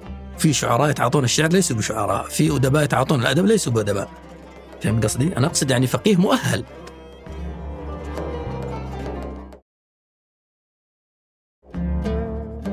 كيف يكون الفقيه مؤهل؟ ياخذ دكتوراه لا مو بلازم الدكتوراه ولا شهادتها ليس لها داعي ها. الحين تحديد الشخص هل هو مؤهل أو غير مؤهل آه، في أي فن من الفنون لكل فن ضوابطه ومعاييره ومستوياته التي يترحل فيها طالب العلم في أي فن من الفنون فيزياء في الكيمياء في ال... ولذلك كثير من الشباب الآن يزعل إذا قلت له ترى أنت يعني طمرت ست مستويات ورحت المستوى فوق ويقول لا هذه أنت وصي عليه لا مو بوصي لأنه العلم درجات حتى تصل إلى الاستواء فيه وفكرة إنه والله أنا يريحني عبد الرحمن بن مالح فبستفتيه ولا لا هو هل هو مؤهل؟ هل أهل؟ هل درس؟ هل قرأ؟ هل هل هل إلى آخره مو بلازم يكون عنده شهادة جامعية وتخصص فيها ولا قد يكون آه تلقى العلم بطرق أخرى تقليدية غير تقليدية هذا القصد يعني. لكن أدعياء كل فن من الفنون موجودين. موجودين في كل فن من الفنون. أدعياء الطب ما مالين تويتر. أدعياء الفلك أدعياء وأنت ماشي يعني موجودين. فالقصد إنه الفقيه الحقيقي يعني الذي لديه التأهيل الفقهي الصحيح المتدرج إلى آخره يدرك هذه الأشياء يعني بطبيعتها يعني يدرك إنه في تفاوت وإنه في اختلاف وفي وأن الفتوى آه تخص ولا تعم إلى آخره. فالشاهد من الكلام هذا كله اللي كنت تقوله أول إنه البيئات أكيد إنها تختلف وإن النصوص إن الخطاب الفقهي اللي فيها يختلف من من أرض إلى أرض ومن دولة إلى دولة ولذلك نحن أيضا بحاجة إلى مراجعات حتى الخطاب الفقهي القديم كيف تكون؟ كيف نشأ؟ ما هي العوامل التي هذا اللي عالجها حجاب الرؤية وأنا سعيد جدا الحقيقة أنه الكتاب أثر في بعض الدراسات اللي ظهرت بعده يعني أخذت بعض المناحي فيه يعني أخذت بعضها الجانب الاجتماعي في الفقه وتأثيراتها بعضها أخذت المرأة والخطاب اللي يخص المرأة بالذات في الفقه الإسلامي تدرجاته التاريخية كيف دخلت العادات والتقاليد على الخطاب الفقهي وغيرت فيه تجاه المرأة. في باحثة اشتغلت على هذا الجانب. السلطة وعلاقتها بالفقه. في واحد من الباحثين شغال فيه هو الباب الرابع في الكتاب. صحيح. فهذه أشياء كلها بحاجة إلى دراسة يعني. أنت حطيتها على أنها أربع حجب؟ والله له عشر سنوات. مم. ذكرني بها. آه لا. العادة العادات العادات البيئة. والبيئة والحجاب النفسي والسلطة. والسلطة. مم. وعاد في شيء اسمه الهوى الخفي كان يدخل في ضمن في ضمن هذه اللي انت فصلتها على انه ابن تيمية الهوى الخفي اللي تكلم ابن تيمية عن الهوى الخفي وأحيانا نسميه الهوى المركب. والمركب والهوى الظاهر. إي الهوى الظاهر هذا مفروغ منه. الهوى الظاهر هذا يطلع برا المعادلة كلها. ليش؟ لأن الهوى الظاهر عارف؟ مم. يعني ويدري إنه خطأ يقول لك لا أنا أبغاه. فهذا ما عندنا معاه جدل ذا حتكلم عن الهوى الخفي يعني يعني أنا آه، أحب الغناء مثلا. مسألة خلافية. فعندي هوى خ... حب للغناء. زين؟ وأنا ما أدري إني أحب الغناء. لا لا أنا أدري. آه. من نفسي أنا عبد الله إني أحب الغناء مثلا. مثلا لا عبد الله يحب الغناء. تحب الغناء. زين.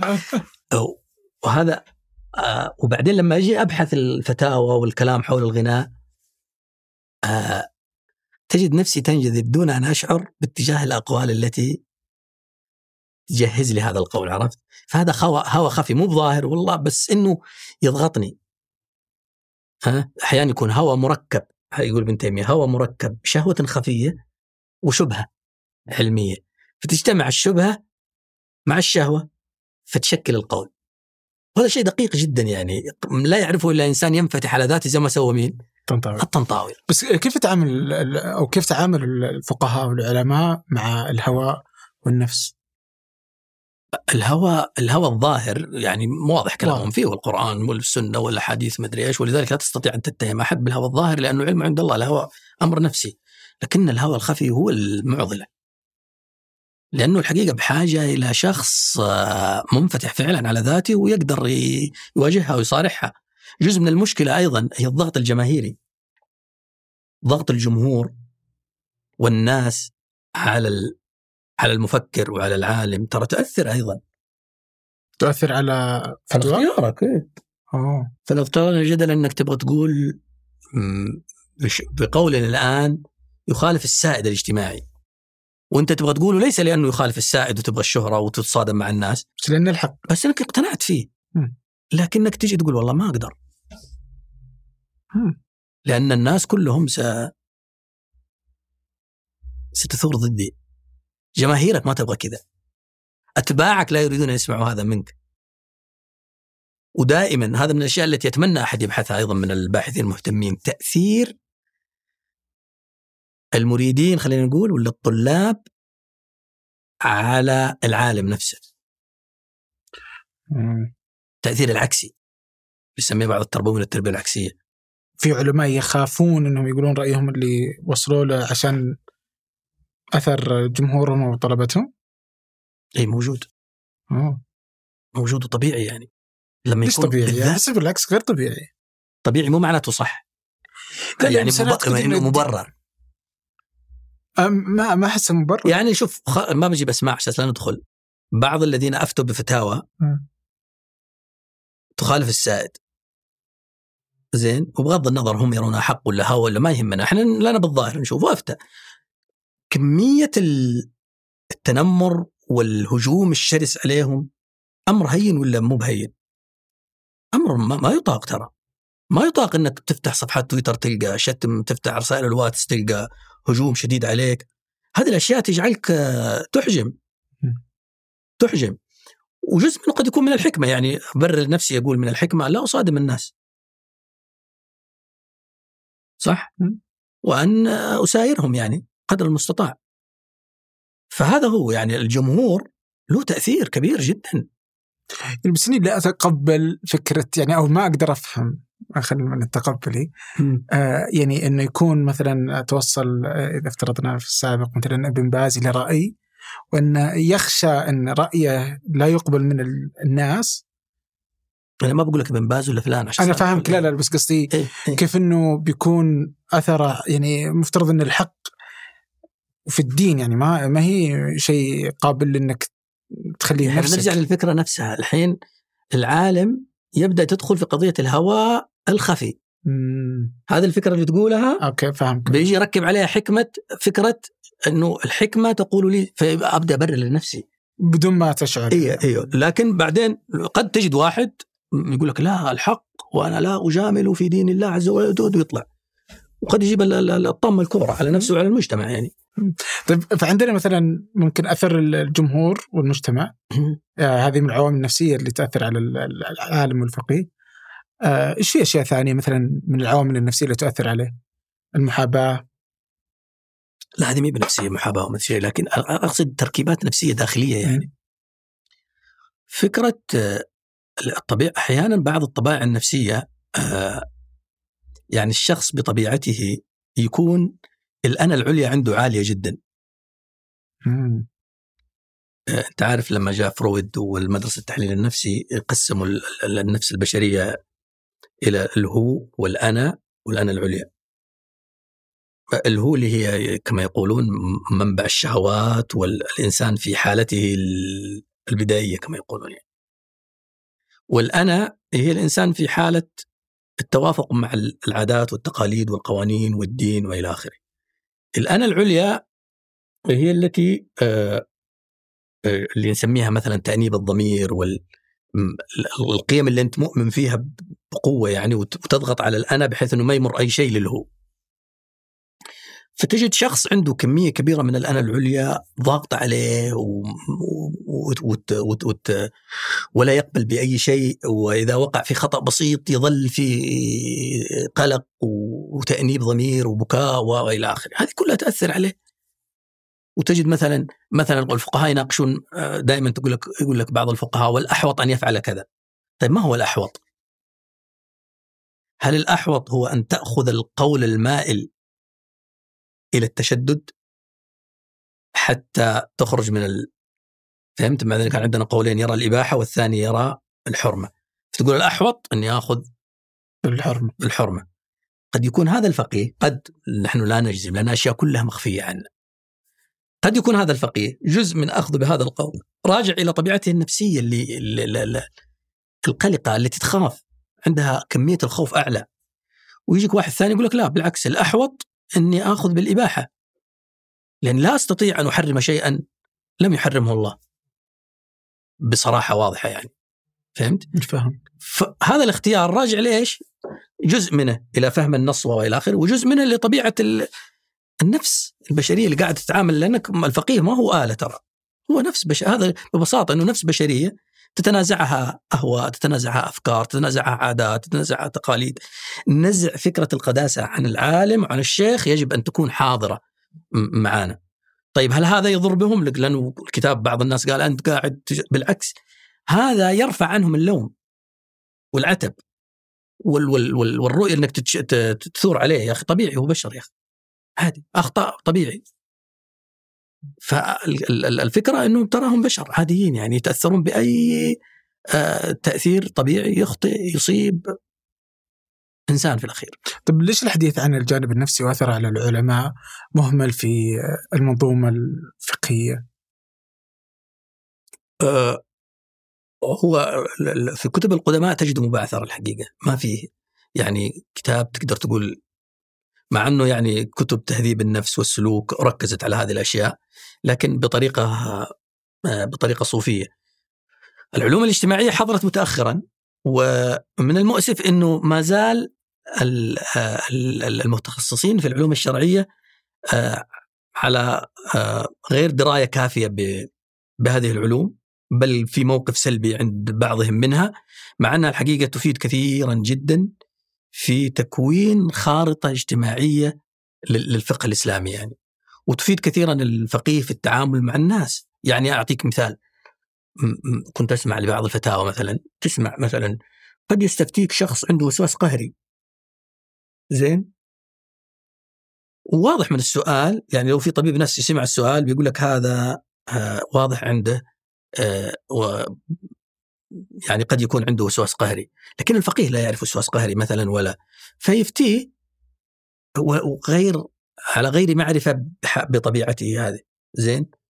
آه، أذكر مرة سمعت فتوى شخص مثلا يلقي سؤالا على شيخ يعني اس- استنبطت أو فهمت منها أن الشخص يعاني من من نوبات هلع. أحد الأمراض النفسية المشهورة.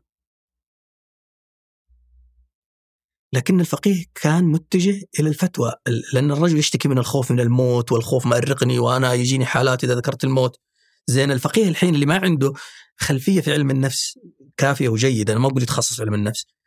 إيش يفتي؟ يقول بالعكس أذكره اذكروا هذه من اللذات وهذا أنت في خير وأنت الرجل رايح رايح في 60 داهية يحتاج إلى تدخل طبي. عرفت القصد؟ صح. فهذه العلوم ال- العلوم الاجتماعية أيضا العلوم الاجتماعية اللي تبين لك حركة المجتمع كيف لأنه الفتوى قد تسبب كارثة في المجتمع. في أشياء أصلا لا تتعلق بالفقيه. وينبغي للفقيه أن إذا جات يرجع وراء. يقول هذه ما هي بشغلي. مثل أعطيك مثال. قيادة المرأة للسيارة. الذين كانوا يحرمونها من من من من من من, من العلماء مثلا كان جزء كبير في اعتمادهم على التحريم وهو ماذا سيحصل في المجتمع؟ من الانحلال والمرأة سيحصل لها كذا صح ولا لا؟ اتكاء الفتوى كان على سد ذرائع ما تؤول إليه. الحالة لو فتحنا قيادة المرأة للسيارة. طيب الفقيه هل هو مؤهل لقياس الحركة الاجتماعية لأي قرار أو فتوى حتى يعني يتنبأ بها؟ مثال آه، دمج تعليم البنين والبنات. تذكر أنت؟ والضجة اللي حصلت وأنه سيحصل وسيحصل وسيحصل. طيب على محمل حسن النية هل الفقيه مؤهل أنه يستشف الحركة الاجتماعية كيف ستكون؟ أم هذا هو شغل علماء الاجتماع والمتخصصين فيه؟ ويجي علماء الاجتماع ويدرسون القضية ويقولون ترى قيادة المرأة للسيارة سينتج عنها الإيجابيات الاجتماعية التالية. واحد اثنين ثلاثة أربعة خمسة ستة. وينتج عنها السلبيات الاجتماعية التالية. كيف نتلافى السلبيات؟ كيف نتلافى كيف نعزز الإيجابيات؟ هذا شغل علماء الاجتماع ويقدمونه للفقيه. الفقيه ينظر الآن بعد ذلك إذا كان يعني لأنه جزء من الفتوى هو النظر في مآلات الأمور كيف ستكون. لكن ما هو على هواي وأنا متكي وأقول المجتمع سيصبح هكذا. لا مو بكيفي. هذا مو بشغلي. والفتاوى الطبية مثلا. لذلك الفقيه ما يقدر يفتي مسألة طبية لازم يسمع من الأطباء المتخصصين. وهذا جزء من عمل المجامع الفقهية. أنه إذا جاء في فتوى فقهية مثلا تخص الطب لازم يجي لجنة استشارية متخصصة في هذه المسألة الطبية تحديدا مو في الطب كله كمان. مثلا الوفاة دماغيا. هل هي تعتبر وفاة شرعا ويرث ويورث ويغسل إلى آخره؟ تعال لازم نشوف. وبعدين يدرسون علامات الوفاة عند القدماء. طيب القدماء كانت علامات خاصة بهم. طيب الطب الحديث ماذا يقول؟ لازم يجي لجنة علمية متخصصة هي اللي تقرر في هذا الأمر والفقيه على ضوئها يبدأ ينظر. لكن الفقيه لا يستطيع من حاله أن يتبنى هذه الأمور ويشتغل عليها لوحده لا. ولذلك أنا أقول لك نحن بحاجة إلى في كليات الشرعية وفي المعاهد الشرعية أن تدرس العلوم الاجتماعية. يجب أن تدرس العلوم الاجتماعية. إحدى مشكلات الخطاب الإسلامي المعاصر أنه ليس له علاقة كبيرة ولا جيدة بالعلوم الاجتماعية. وهذا أدى إلى الانفصام الحاصل أنه تشوف الفتاوى تسير في طريق الخطاب الديني والمجتمع يسير في طريق آخر. ولا لا؟ شو المجتمع ساير في وأنت قاعد آه، وين رايح؟ طيب في واحدة من تغريداتك كنت تقول آه جينا للتغريدات. كنت مطمئن إنت للكتب ها تغريدات ملغومة تقول آه، الانحراف الواقع في حالات التدين في المجتمعات الإسلامية وبلوغ بعضها حد استباحة الدماء يستدعي النهوض بخطاب آه، شرعي تجديدي يصلح ما أفسده الناس. إيه. okay. فودي أعرف آه، ما لا تكملة ما لها تكمل خلاص باقي بس علامه تعجب. يمكن واحد كتبها عني ما لا خلصت والله. إيش بس السؤال؟ بس هنا أنت تتكلم عن إنه في انحراف. في حالات التدين في المجتمعات الإسلامية اليوم أوكي وش اللي إيش اللي جعل هذه الحالة. التدين تصل بهذا الشكل؟ شوف حالات الانحراف. جميل حالات التدين في ظني أنا مش التدين الشخصي لوحده إيه اللي حالة المجتمع. التدين أي مجتمع ككل لما تيجي حالة التدين في السعودية ستجدها تختلف عن حالة التدين مثلا في الغرب. في شيء أهم من هذا كله. ما هو معيار التدين؟ متى أقول أنه عبد الله السفياني متدين؟ أو عبد الرحمن أنت متدين الآن تصنف نفسك؟ ما أدري شوف تجد تجد صعوبة أنت تصنف نفسك. فكيف لما بتصنف غيرك؟ طيب أنا متدين؟ طيب هذا المجتمع متدين ولا غير متدين؟ وهذه إشكالية في الدراسات الاجتماعية اللي وجزء آخر من المشكلة أنه دراساتنا علم اجتماع الدين في العالم العربي يعني تقدر تعطيها درجات من منخفضة جدا. ما في ما في دراسات. في دراسة أجراها مركز اسمه أسبار ولا مسبار؟ إسبار. إسبار. وفي في إسبار وفي مسبار. أعرف مس... إسبار الحارثي العربي. أيوه هو. إيه إسبار. دراسة من جزئين عن التدين في السعودية. لما جاءوا طيب التدين في السعودية أنت تبي تسوي معيار عشان بشوف هم متدينين الناس هؤلاء ولا غير متدينين؟ وش هو المعيار؟ ما أدري. إيه تجد مثلا صعوبة. المسير لما يتكلم مثلا عن عن الفكرة دي إنه التدين مصطلح آه، لا يمكن الإمساك به. في في الغرب بعض الدراسات ترى إنه اللي يزور الكنيسة في الشهر مرة ولا في السنة كم مرة هذا متدين. ممكن نصنفه متدين. عرفت؟ طيب أنت في في المجتمعات الإسلامية بعض الدراسات ترى إن اللي يؤمن بوجود الله متدين متدين ممكن تحطه معيار تقول اللي يؤمنون بوجود الله هؤلاء متدينين وتجري دراستك وبس تلتزم بال- بالمنهج حقك ذا عرفت قصدي؟ ففي طيب من هو المتدين اللي بتس... في المجتمعات الإسلامية؟ هل هو اللي يحافظ على السنن الرواتب مثلا؟ أو هو الذي آه، يحافظ على الصلوات فقط؟ أو في مشكلة. في تحديد معيار التدين اللي نجمع أنا وكلنا نجمع إنه فعلا هذا متدين. طيب من المفترض إيه. يحط هذه المعايير؟ أنا ولا أنت؟ هو لا أنا ولا أنت هي إشكالية اجتماعية موجودة في الدراسات الاجتماعية إنه لكن لما تيجي كدارس أنت وتسوي دراسة لازم تلتزم بالمعيار اللي حطيته سواء اختلفنا فيه أو اتفقنا فيه لكن أنت تلت- تلتزم في الأخير بال- بالمنهج أنا أظن دراسة التدين في السعودية اللي سواها المركز أظنها كان المعيار أحد معايير أكثر من معيار أحد معاييرها السنن الرواتب آه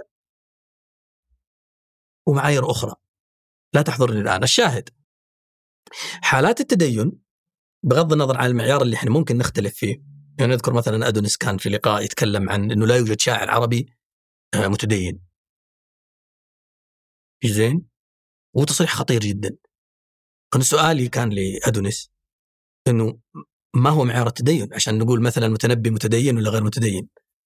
هو أظن استشهد بفولتير باعتباره شاعر متدين. مع إنه فولتير عنده مشكلة مع الكنيسة كبيرة جدا. ف يعني المتنبي بمقياس آه أدنى. أيوه. أنا أعتبره إمام المتدينين مثلا. فهمت؟ إيه. المشكلة مو بن الف... المشكلة ما هو معيار التدين. عشان تقول والله هذا متدين أو غير متدين، هل الظاهر إحدى مشكلات الخطاب الديني؟ إنه أصبح الظاهر هو معيار التدين. نقول مطوع. ملتزم. صح؟ فلحية. لحية ثوب قصير. بدون عقال خلاص. أخذت التذكرة. ترى رجال والله ما شاء الله عليه متدين وملتزم ومدري ليش؟ ولذلك ظهر ذيك الأيام مصطلح آه، آه، سكسوكة المثقف ولحية الم- المطوع. آه، اللي هي الرمزيات الظاهرة. وهذه إحدى الإشكاليات اللي وقعت إنه صار عندنا حكم على مظاهر الناس بإشكالهم يعني. مع إنه قد يكون لا لحية ولابس عقال وثوب طويل لكنه في التدين ال- الخفي أو التدين العفوي البسيط أعظم بكثير من الشخص الآخر اللي ممكن تجده صح مربي اللحية وثوب قصير. ها. وهذا ليس كلام على العموم لكن أقصد كحالات يعني. تجد مثلا ظالم للناس يأكل أموالهم مسوي ستين ألف داهيه وبين ذاك الرجل آه، لا. فحالات التدين هي زي ما ذكرنا إحنا خاضعة ل- لاعتبارات كثيرة تشكل حالات المجتمع يعني السياق التاريخي للمجتمع الحالة السياسية للمجتمع. الحالة السياسية مثلا خضوع المجتمعات للاستعمار. مجتمعات عربية خضعت للاستعمار مثلا سنين طويلة ليست كمجتمع مثلا لم يدخل الاستعمار زي السعودية. فطبيعي تكون حالة التدين هنا مختلفة جذريا عن حالة التدين الموجودة في دولة خضعت للاستعمار. هذا لا يعني إنه هذا أنا أحسن في التدين من قد يكون العكس. لكنها بس مختلفة. لكنها مختلفة. قد يكون الاستعمار ها آه سبب ردة فعل قوية تخليك أكثر تدينا. ممكن يكون كذا. زي مثلا الجزائر مثلا أعطاها ردة فعل للحفاظ على اللغة العربية. ولذلك البرامج عندهم قوية في اللغة العربية وإلى آخره. طبيعي. فهذا جزء الجانب السياسي وتأثيره في حالات التدين. آه، مسارات المسارات التحولات الكبرى اللي تحصل في المجتمعات. قد يحصل انقلابات قد يحصل زلازل براكين مشاكل اجتماعية كبيرة آه، مجاعة.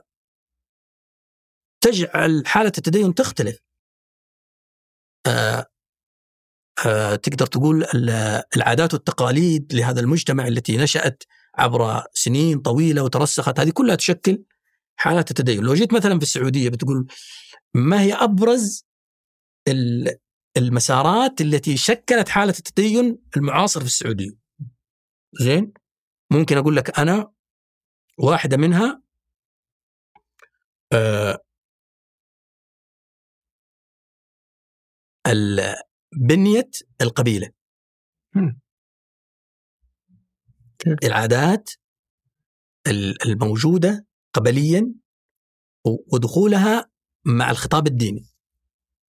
مو معناته برضو خطأ وصح إحنا قاعدين نشوف كيف تشكلت حالة التدين عندنا في السعودية. الجزء من ال من من الذي شكل حالة التدين في السعودية الدعوة السلفية دعوة الشيخ محمد بن الوهاب التي أسست لمنطلقات الخطاب آه، الديني. دخول الحركات الإسلامية إلى المملكة العربية السعودية في فترة آه، آه، مبكرة وامتزاجها مع الدعوة السلفية بطرق مختلفة تشكلت سوت آه، أخلاط غريبة أو صحيحة أو خاطئة لكنه تشكل جديد من نوعه. يعني الحركات الإسلامية اللي في مصر في المغرب في لها طبيعتها الخاصة لكنها ما دخلت مع حركة مثلا زي الحركة السلفية الإسلامية في المملكة العربية السعودية. آه، أيضا عندنا البقعة الجغرافية الممتدة في المملكة العربية السعودية التكوين السياسي للمملكة العربية السعودية اللي الذي يعني يختلف عن بقية التكونات الأخرى اللي فرض وجوده ووحد المملكة العربية السعودية بطريقة سريعة ومتميزة، دمج القبائل سريعا في الحركة المدنية. يعني نحن تقدر تقول المملكة العربية السعودية والخليج عموما يعني آه، سار مسافة ألف سنة في مئة سنة فهمت قصدي؟ واضح يعني حراك ثقافي وديني واجتماعي سريع جدا بسبب أسباب أسباب كثيرة يمكن دخولات النفط والأشياء هذه أثرت في هذا الشيء لكن هذا كله ينعكس على حالات التدين, التدين. الخطاب الإعلامي المفتوح اللي ظهر في في الألفية الجديدة. يعني الناس كانوا متعودين مثل ما ذكرت أنت بن باز وبن عثيمين وكنا في في, في السبعينات والثمانينات ها؟ هذا هو اللي نعرفه. لكن فجأة انفتح الفضاء. قنوات فضائية. أصوات فقهية جديدة. مسائل ما كنا نسمع عنها عرفت؟ انفتح بعد ذلك الإنترنت. شيء وهذا جعل كل شيء يتزعزع. الصراع القائم بين الأحزاب الإسلامية نفسها التيارات هذه الإسلامية اللي قاعدة تتصارع من فترة مبكرة فيما بينها فيما بينها فما بالك بينها وبين الاتجاهات الأخرى. آه، مع الليبرالية مع الاشتراكية مع الحداثة دراما صراعية هائلة جدا في فترة التسعينات. هذه شكلت وأثرت في حالة التدين عندنا. ليش استبعدت الصحوة منها؟ ليش استبعدت الصحوة؟ هي الصحوة هي نحن نقول الخطاب الإسلامي عندنا نصبه الصحوة. لكن أنا أتحفظ مثلا على مصطلح الصحوة مع إنه سائغ وموجود لأنه الصحوة آه في مصطلحات تحمل دلالة إيجابية وتزكية لها. يقظة نهضة صحوة عرفت؟ وفي مصطلحات أخرى تحمل وصمة آه عار فيها أو أو إساءة لها مثل نكسة. عرفت؟ ف... في لفظتها بغض النظر قن... آه. إيه أنا أقصد إنه دائما نحاول تبحث عن المصطلحات المحايدة اللي توصف الظاهرة دون ما تعطيها لا لا نبز إيجابي ولا نبز سلبي. سلبي عرفت؟ آه والحقيقة إنه حتى الصحوة عندنا إذا مشينا على هذا المصطلح بحاجة إلى دراسات عميقة يعني دراسات اللي فيها ما هي بذيك القوة. والذين كتبوا يعني كتب أكثر من واحد كتابات مشكورة ولكن تحتاج تحتاج دراسات أكثر عمقا من الناحية الاجتماعية. أكثر عمقا من من فكرة الاختلاف الديني نفسه والتدين فكرة التدين. تحتاج إلى دراسات من الواقع النفسي. تحتاج إلى آه، فكرة مآلات هذه الخطابات إيش أنتجت ولماذا أنتجت هكذا. علاقتها بالخطابات السياسية الموجودة في العالم ككل. هذه كلها بحاجة. يعني تقدر تقول أفضل دراسة أو من أفضل الدراسات اللي سواها الفرنسي ستيفان ذكروا زمن الصحوة. بالذات في الجانب التاريخي. الجانب التاريخي كتب فيه شيء ممتاز جدا وجمع معلومات هائلة لكنه في الجانب التحليلي يمكن بطبيعة الثقافة الفرنسية اللي حاول يعكسها أو الغربية على المجتمع السعودي كان عنده قصور في بعضها لكنها دراسة جادة. ونحتاج إلى مثلها كثير جدا مثلها كثير جدا. أنا أقدر مثلا والثاني والثالث ندخل في خطاب تبجيلي للصحوة أو خطاب تبخيسي للصحوة. وفقا للموضة الظاهرة إذا طلعت تبجيل بجلنا وإذا طلع تبخيس بخسنا لكن نحن بحاجة الحقيقة إلى دراسات اجتماعية علمية علمية رصينة تحلل الظاهرة فعلا وتقيس وتشوف وين المشكلات الحقيقية التي وقعت آه، وقعت فيها الخطاب آه، وأسبابها وكيف يمكن أن نشكل خطاب إسلامي جديد مثل ما ذكرت أنت بعيد عن هذه السلبيات ومسبباتها، السلبيات ممكن تعددها لكن وش أسبابها؟ لازم تنتزع الأسباب. يعني اللي أدت إلى وجود خطاب متطرف، وجود خطاب إرهابي وتفجير، تقتيل، آه، اختلافات قاتلة بين التيارات، آه، صراعات، يعني إحنا مرينا بفترة يعني صرت حتى تشك في الدين نفسه من كثر ما تسمع من من الصراع بينهم بين أشكالهم سوا لكنهم بينهم خلاف بينهم خلاف عنيف. فكيف لماذا؟ هذه بحاجة إلى دراسات مستفيضة وقوية ستخدمنا صدقني كثيرا. إي ما في شك. أنا و... أتوقع أن الدراسات مهمة على أي إي نعم على أي حال. كثيرا جدا. لكن المشكلة إني ما أدري من هو المسؤول عنها. كل آه، الحين آه، كذا وأنت تقول دراسات يجي في ذهني آخر ثلاث حلقات. عندي الدكتور خالد تخيل دكتور عبد السلام الوايل وأنت الآن أوه. دكتور. ثلاث دكاترة كلهم يشتكون من عدم وجود دراسات.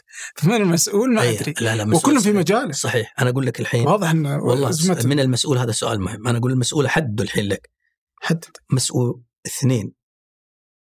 الجامعات ومراكز البحوث ايا كانت تابعه للجامعات ولا غيرها. الآن وزارة التعليم وزارة التعليم اللي يعرفه والاتجاه في الرؤية. تكريس البحث العلمي ودفعوا ميزانيات هائلة. والجامعات إلى الآن ما هي قادرة تستثمر الميزانيات. اللي أنا أذكر آه، قبل سنتين إذا ما أنا واهم إنه الميزانية اللي رصدت بالمليارات والله ما أدري 8 مليار أو الرقم ناسي لكن لما انتهت السنة المسحوب من الميزانية هذه ضئيل جدا ما خلص مليار.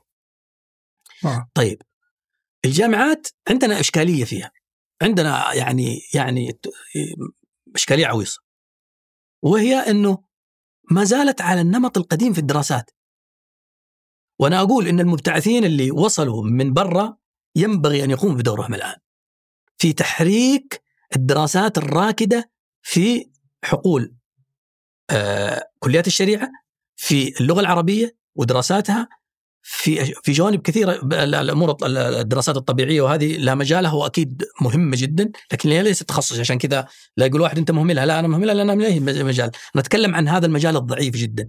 دراسات لما تتصفح العناوين يا أخي والله والله أشعر بأسى قسم بالله. لأنها دراسات تشعر لا تمت لنا بصله دراسات مركزة على النتائج عقيدة فلان وآراء فلان من القدماء. مع احترامنا وتبجيلنا لهم لكن يا أخي نحن نحتاج إلى دراسات أعمق. نحتاج إلى الدراسات البينية الآن بشكل كبير جدا. دراسات في علم اجتماع الفقه في علم نفس الفقه. درا... نحتاج أن ندمج هذه الدراسات البينية مع بعض. وال... وال... وأعتقد أن المبتعثين لديهم القدرة الكبيرة على أن يقوموا بهذا الدور. وعلى آه إذا كان يجوز لي أن أقول على فلان يسوي زي كذا. على الجامعات أنها تبدأ تنظر في هذا الأمر جدا. يعني تعال شوف خريطة الدراسات عندك أنت. وين متجهة؟ وكيف متجهة؟ وهي ماشية صح ولا ما ماشية صح؟ يعني ما هم معقولة؟ الآراء التربوية عند الغزالي الآراء التربوية عند مدري مين. ستين ألف عالم وأنت قاعد تبحث الآراء التربوية عندهم وكلهم زي بعض ترى. بس يتغير اسم العالم.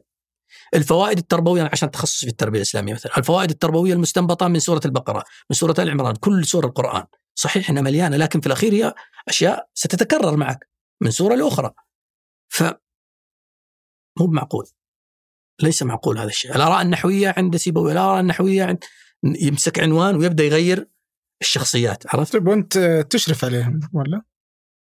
أنا لم أشرف على أي رسالة إلى الآن. كنت ولا ورطك نشرف. معهم ولا نشرف. كنت ورطك معهم أنا يعني دور أنا أسعد. يعني في دور لل على طلبة الدكتوراه صحيح الحديثين صحيح وغيره. صحيح. في دور المشرفين يعني في تحديد الدراسات صحيح وش بس المشرفين أوافق لك صحيح كلامك صحيح. والمشرفين إذا كان القسم كله والجامعة وعماده البحوث متجهة هو بيتجه معاهم خلاص. صح. المشكلة لما يجيك المشرف يكون زيك يبغى يسوي. تتفاجئ القسم يقول لك لا يا حبيبي هذه دراسة ما تصلح لنا. وهذا موجود. لكن هذه ينبغي أن تكون خطة واستراتيجيه للب... لازم يكون عندنا أنا أظن واحد من الزملاء كتب قبل يومين في تويتر يجب أن يكون عندنا استراتيجية للبحث العلمي. وين إحنا رايحين؟ في يعني في في, ال- في الرؤية اعلن قبل فترة قريبة وهذا يعني يعني شيء رائع. بس ما أعتقد انها ب- تختص في العلوم التطبيقية. فأتوقع إنهم حددوا إنهم استراتيجية البحث العلمي ظهر جودة الحياة آه، مع أهداف الرؤية. إي آه، الصحة وسلامة الإنسان شيء زي كذا. فحددوا أربعة ناسي وش هي. بس إن إذا جينا ناخذها بالصورة العامة تحتها 60 مليون حاجة. هي حتى المناهج يا أستاذ عبد الرحمن. المناهج البحثية اللي قاعد نستخدمها يعني أنت بعض البحوث وهو بحث علمي كأنك تقرأ وعظ. وليس بحثا لا لا طيب هذا بحث علمي يا أخي لا تقول يا أيها الناس ينبغي لكم. يا حبيبي هذا بحث علمي. هذا خطاب حلو وممتاز جميل لكنه في موضع آخر. مو مواضع. طريقة صياغة ال... ال- ال- الدراسة العلمية مختلفة تماما عن الصياغات العلمية الصحيحة. وهذه مشكلة موجودة في العالم العربي ككل ما أقول عن السعودية. لكن نحن الآن أمام قفزة والجامعات أمامها فرصة كبيرة جدا إلى تطوير نفسها بشكل مذهل ميزانيات هائلة وكبيرة جدا آه، دعم على مستوى عالي رؤية واضحة وش قاعد تسوي. استعن بالله وانطلق هذا اللي حددت لك الحين صح؟ صح. المسؤول الأساسي عن هذه هي مراكز البحوث والجامعات تعليم ويمكن المنظومة ترى أحيانا نظلم الجامعات ونظلم الدكاترة ونظلم مراكز البحوث لأن المنظومة ما هي بكاملة وما تدعمهم فاحيانا تلقى في أمريكا إنه آه يعني المنظومة تدعم الشركات إنها تدعم مراكز البحوث وتدعم مثلا في إنه يشيلون عنهم ضرائب ولا بعضهم اللي مم. آه علشان أنت تكمل. كدكتور تتطلب كذا فصعب تكون أنت خارج نظام المنظومة صحيح بس نفسها أنا أقول لك إن المنظومة الحين عندنا قاعدة تتطور بشكل تتطور بشكل سريع لا لا أتفق معك تماما والمشكلة وين؟ إن. المنظومة قاعدة تتطور بشكل سريع مكانك. وفي عندنا هنا هدوء ركود هذه. إشكالية ذي أتفق معك طيب أنا ودي أنتقل إلى ال- يعني أخذنا جزء كبير في الحديث عن ال- الخطاب الفقهي. ودي ناخذ الخطاب ال- الوعظي. آه بس عشان أدخل فيه ودي أعرفه وش الخطاب الوعظي؟ وش ونفرق بينه عن الخطاب الفقهي. أنا في عبارة تعجبني جدا لأبو عبد الرحمن بن عقيل الظاهري. الله يمتعه بالصحة والعافية. مختصرة الخطاب العلمي. أو الفقهي تأسيسي. والخطاب الوعظي تذكيري مم. طيب وش الفرق بينها؟ الفرق الحين انه ال- ال- ال- الخطاب العلمي يؤسس هو الذي يؤسسك يكونك يعطيك المعلومات يعطيك الأفكار يعطيك المنهج بعد ما تسوي هذا وتضبطه يأتيك الخطاب الوعظي الوعظ يذكرك به تراك يا عبد الرحمن كذا ترى الوضع كذا أذكر كذا عرفت القصد؟ طيب الحين ايهما يبدأ به ويركز عليه التأسيس ولا التذكير؟ التاسيس تأسيس. تأسيس. مم. الحاصل الحين انه الخطاب الوعظي آه هو الذي يكتسح وإن كان خفت وتيرت من فترة بالذات عندنا في ال- في السعودية. لكن هو المكتسح. أصبح كأنه هو التأسيسي. بل أصبح الواعظ الذي كان ينظر إليه في التراث على أنه ما نبي يعني تشعر إنه يعني آه نظرة دونية يعني. قاص واعظ قصاص وبعض العلماء نزل فيهم نزلة جامدة. الشاهد أصبحوا يتصدرون المشهد. وأصبح كلامهم ليس تذكيريا وإنما تاسيسيا. آه. وأصبحوا مرجعا. واصبح الناس يأخذون كلامهم على أنه فتوى وعلى انها آه هو ال- تأسيسي هو التأسيس هو الخطاب الصحيح يعني. والحقيقة إنها ظاهرة قديمة ترى يعني للأمانة لكنها آه مو بحديثة يعني. مثلا أبو حنيفة ما ادري زوجته أو أمه كانت تقول له ساذهب إلى فلان الواعظ استفتيه. طيب عندك أبو حنيفة إمام الدنيا. عرفت؟ ف- فكان الوعاظ الوعاظ مش الإشكالية الموجودة إنه الوعظ خطاب جماهيري وخطاب استقطابي خطاب قادر على جلب الآخرين والحقيقة إن الوعاظ في العالم العربي بالذات وفي الخليج استطاعوا أن يجلبوا عددا كبيرا من الجماهير والسبب إنه خطاب بطبيعته خطاب يعتمد على الاستمالات العاطفية. خطاب يجي يجي يهيج النفوس ويشجيها ويشعرها بال بالحاجة إلى إلى هذا الواعظ وإلى الوعظ عرفت؟ وخطاب يقوم على التهويل وعلى المبالغات وابن قتيبة له كلمة جميلة صاحب أدب الكاتب يقول ومن شأن الع... يقول القصاص يعتمدون على الحكايات والمبالغات ومن شأن العوام ها الالتفاف أو حب المبالغات وال وال والأكاذيب والقصص. يحبون الأشياء هذه اللي فيها آه، فيها دهشة فيها مبالغة كبيرة فيها آه، ولذلك تجد دائما المفكرين العلماء مثلا خذ تويتر مقياسا ادخل على سماسه تجد المتابعين لهم آه، قلة. تجد الوعاظ.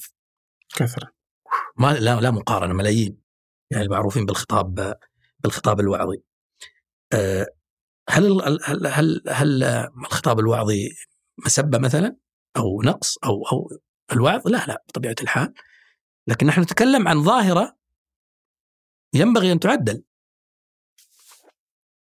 فيها أخطاء كبيرة جدا وأنا اعتقد إنها ساهمت بشكل كبير في ما ودي أقول تشويه ممكن في عبارة ألطف أو شيء لكنه في تشويه الخطاب الديني. والتنفير منه. لأسباب كثيرة جدا. آه الخطاب ال- الوعظي آه جزء من إشكالياته أن الواعظ آه بالدرجة الأولى ليس لديه المقدرة العلمية والفكرية على تحرير خطابه من الهفوات التي في داخله.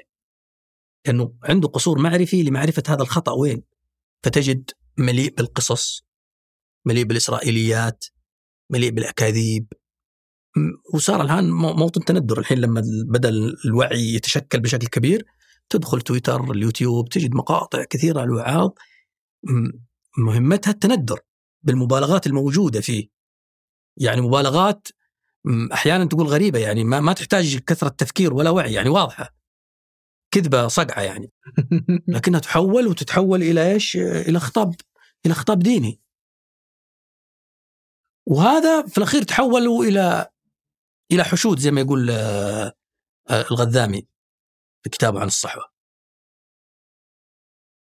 الصحوة يعني آه، إذا إذا مشينا على المسمى هذا آه، الاحتشاد اللي سوته وهو بالاتكاء على الخطاب الوعظي وليس على الخطاب الفقهي. الخطاب الوعظي خطاب تجيشي. لأنه لديه القدرة على ذلك. لديه القدرة على ذلك. ال ال هل كانت من سمات آه، ال- الخلط ما بين الخطاب الفقهي الوعظي ولا سطوة الخطاب الوعظي على الخطاب الفقهي؟ آه لا كان في سطوة. ما هو قضية هو في خلط يعني ياخذ قليلا من ال من الفقه ويبدأ يزيد عليه آه الخطاب الوعظي. وفي سطوة كبيرة جدا. سطوة يعني أثرت على الجماهير وأثرت حتى على أصحاب الخطاب الفقهي يعني بعض يعني الإشكالية وين؟ أنه بعض الذين يعني ينتسبون إلى إلى المجال الفقهي الحقل التداول الفقهي تأثروا دون أن يشعروا أو شعروا بالخطاب الوعظي فتحول خطابهم الفقهي إلى مزيج من فقه ومن وعظ خصوصا في المسائل الخلافية يعني في مسألة خلافية وأنت ترجح لك رأي فيها قل رأيك ما في مشكلة. لكن لا تحوله إلى وعظي إلى وعظ لأنه لأنه الوعظ لا يكون في المسائل الخلافية أصلا. لكنه يظهر إنه ما يظهر إلا في المسائل الخلافية. هذه إحدى الإشكالات. هو في عبارة بس إن شاء الله أذكرها وأذكرها لاحقا إن شاء الله لأحد إنه إنه الوعظ لا يكون في المسائل الخلافية. الوعظ تذكرني بشيء أنا أنا يمكن مسائل خلافية لكن مسألة أنت مؤمن فيها. خليني أقول لك مثلا مسألة أي مسألة مسائل خلافية أنت أخذت في القول ألف فيها وأنا أخذت بالقول باء. فما يحق لي وأنا أعرف أنك فقيه أو عندك فقه أو أنك متبني هذا الرأي ومؤمن به إني أجي أذكرك أعظك. خطاب تذكيري قلنا. الخطاب التذكيري يعني مسألة أنت مؤسسة عندك لكن قاعد تخالفها. تؤمن إنه الصلوات فرض صح؟ فأجي أذكرك بها أعظك في الصلاة. لكنك لا ترى انه مثلا المسألة الفلانية آآ آآ واجبة. فما يحق لي أجي أذكرك بها. يجب أن أؤسسك اولا. يجب أن أقنعك اولا، أحاججك حتى وتقول آه صحيح. فإذا اتفقنا آه. تجي تعظني فيها الحين نبدأ تدخل مسألة الوعظ آه. فهمت القصد؟ فاللي حاصل الآن إنه تحولت المسائل الاجتهادية الكثيرة هذه إلى موضوعات للوعظ. فيجيك الفقيه مثلا يرجح مسألة وبعد ما يرجحها يعظ فيها. مثلا خلي أعطيك مسألة صغيرة مرة مثلا الأخذ من ال من. أنا ما ودي أجيب مسائل لأنه دائما الأمثلة تجيب إشكاليات عند بعض المتلقين. يبدأ يبدأ يحاكمك على المسألة هذه مو على الفكرة. لكن خلينا ناخذ مسألة صغيرة جدا اللي هي مسألة الأخذ من الشعر أو الأظافر في لمن أراد أن يضحي. معروف. مسألة خلافية. فيجيك الفقيه فيقول لك آه آه آه يعني لا يجوز لمن أراد أن يضحي في عشر ذي الحجة أن يأخذ من شعره. انتهينا. هذا رأي ونفترض أنه يقول راجح. ورجح هذا الرأي ما عندنا مشكلة. بعد شوي يقلب على قناة الوعظ. فاتقوا الله عز وجل لا ينبغي لك أن تخالف ذلك ومخالفة ذلك آه الحين أنت انتقلت إلى منطقة ال- الوعظ. الوعظ. في مسألة اجتهادية ولذلك تجد الناس عندهم تحرج منها وال... يوم قبل الحج يعني قبل العشر تلقى الحلاقين زحمة والعالم. آه القصد إنه المسائل الخلافية آه تحولت إلى مناطق آه للوعظ. أعطيك مثال ثاني. تذكر أنت آه المساهمات في الشركات؟ فترة آه، الملك عبد الله الله يرحمه لما فتحوا أكثر من. شركة للاكتتاب. آه إيه. اكتتاب في الشركات. وظهر العلماء إنه تصنف الشركات شركات مختلطة وشركات وبعضهم يقول هذا يجوز وهذا ما يجوز. زين؟ صارت تجيك رسائل اتق الله عز وجل هذه الشركة الفلانية لا ينبغي لك أن تسجل فيها وإنها من الربا والله عز وجل يقول في الربا كذا ولا يجوز خطابات وعظية في مسائل يعني تلقى الشيخ فلان يقول لك يجوز والثاني يقول لا ما تجوز والثالث يقول فيها نظر تقدر تطهرها ومدري تسوي فيها إلى آخره. فتحول المجتمع كله إلى واعظ أصلا. أنت تجيك رسائل وتبدأ تحدد مجموعة مقطع وعظي وفاة مدري إيش الشجاع الأقرع الذي يخرج من القبر وتبدأ ترسلها للناس وال... أنت قبل فترة الشاب اللي صايح كذا يقول يا أخوي جننتونا. يعني الشجاع الأقرع يلاحقني والموت يلاحقني أنا سويت يقول.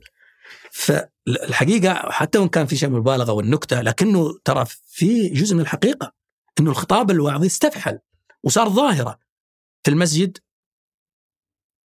آه، بعد كل صلاة تقريبا ولا خلينا نشيل المبالغة هذه بعد صلاة معينة تجد واعظ. الجمعة تعتبر وعظ تروح مجلس عزيمة ولا شيء يجيك واحد يعظ. تروح زواج زواج. الناس بيسولفون بيسألون عن بعض يطلع لك واعظ. واعظ. في المدرسة. في المدرسة خطب وعظية. في جات الجوالات يطلع لك في الجوال. جات التلفزيونات قبلها والبث في كل مكان. وش إشكالك مع ما إشكالي؟ إشكالي إنه هذا أصلا يخالف المنهج هذا واحد. منهج؟ إيه النبي صلى الله عليه وسلم في حديث مسعود يقول كان النبي صلى الله عليه وسلم يتخولنا بالموعظة. خشية السآمة. وفيه نطق آخر لتخولنا يتحولنا بالحاء. زين؟ يتخولنا يعني بعد كل فترة وفترة يعظنا ما هو كل يوم موعظة. ولذلك كانوا يقولون مسعود هل لو وعظتنا كل يوم؟ كلنا نراوي الحديث يقول كان النبي صلى الله عليه وسلم يتخولنا بالموعظه خشية السآمه ويتحولنا إذا أخذنا بهذا.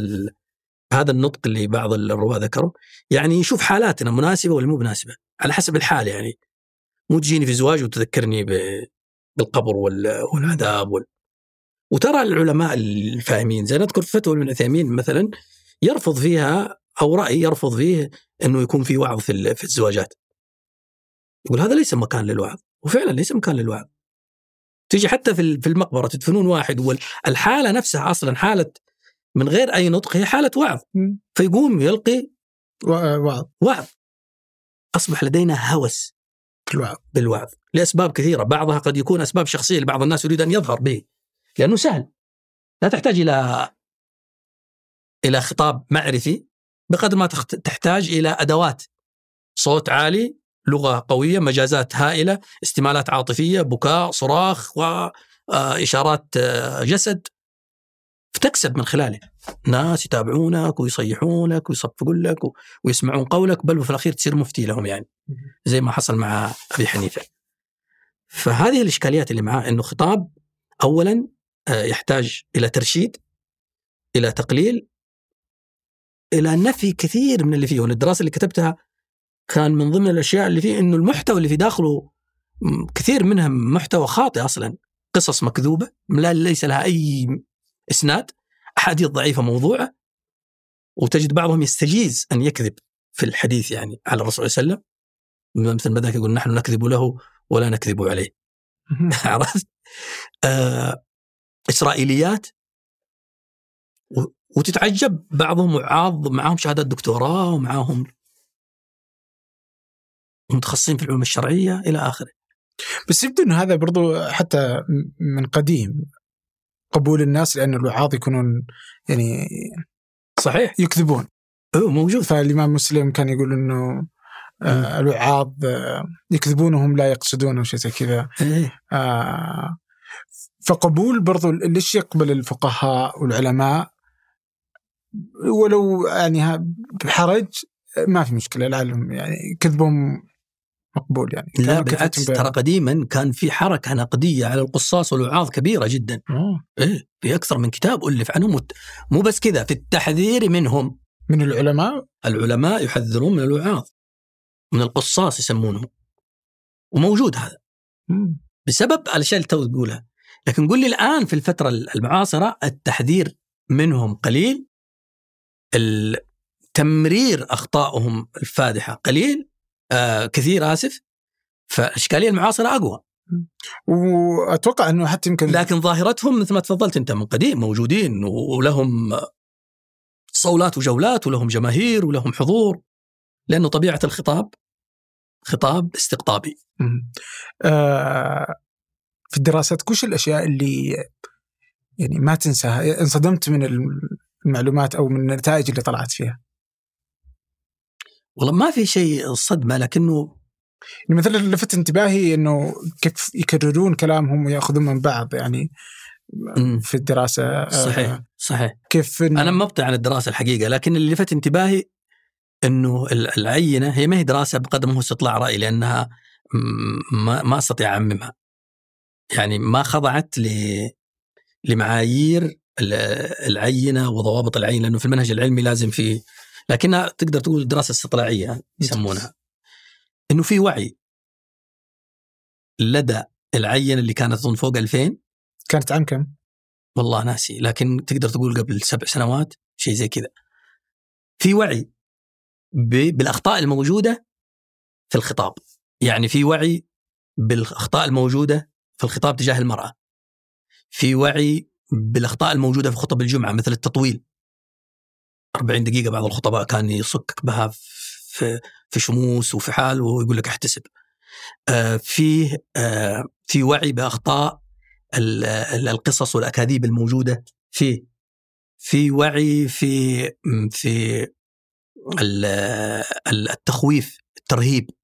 خطاب الترهيب هذا هذا جزء كبير في الخطاب الوعظي وتسأل أهم السلبيات. الترهيب. الترهيب العجيب.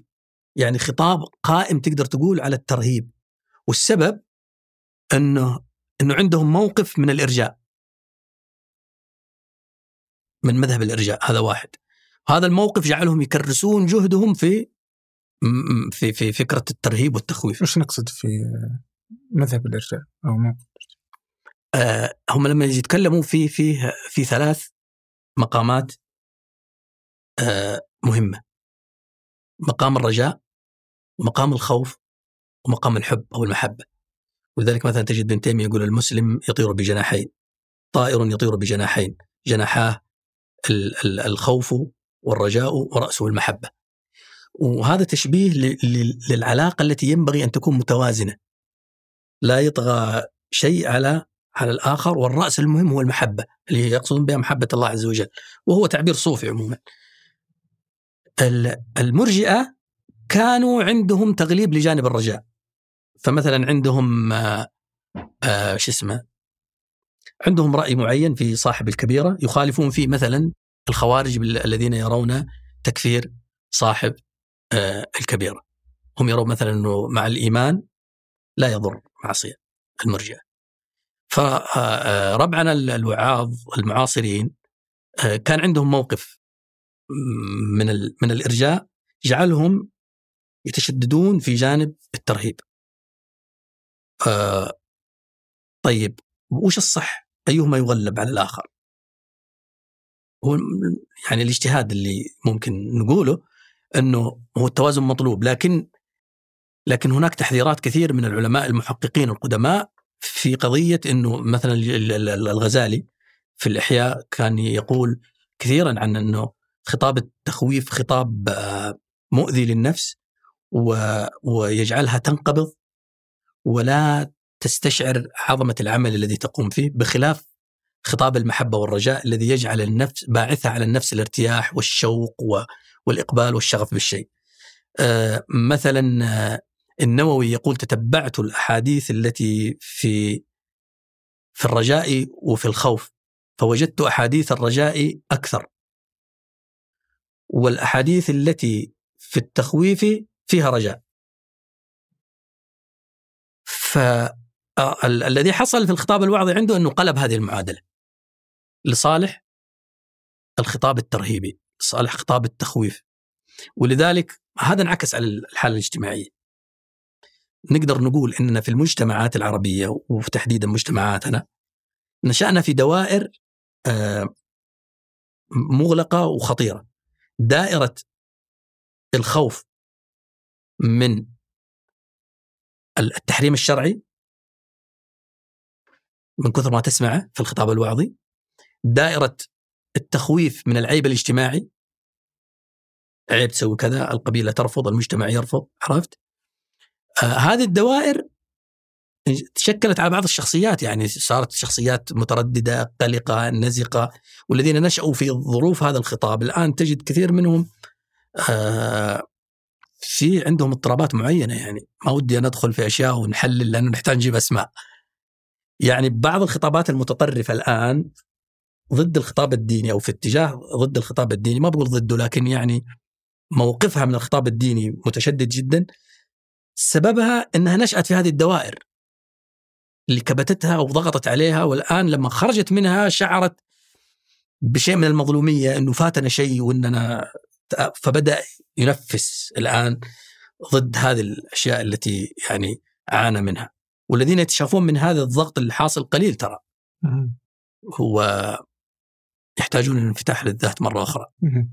طيب أنت تقول إنه إحنا بحاجة إلى آه، خطاب وعظي متزن.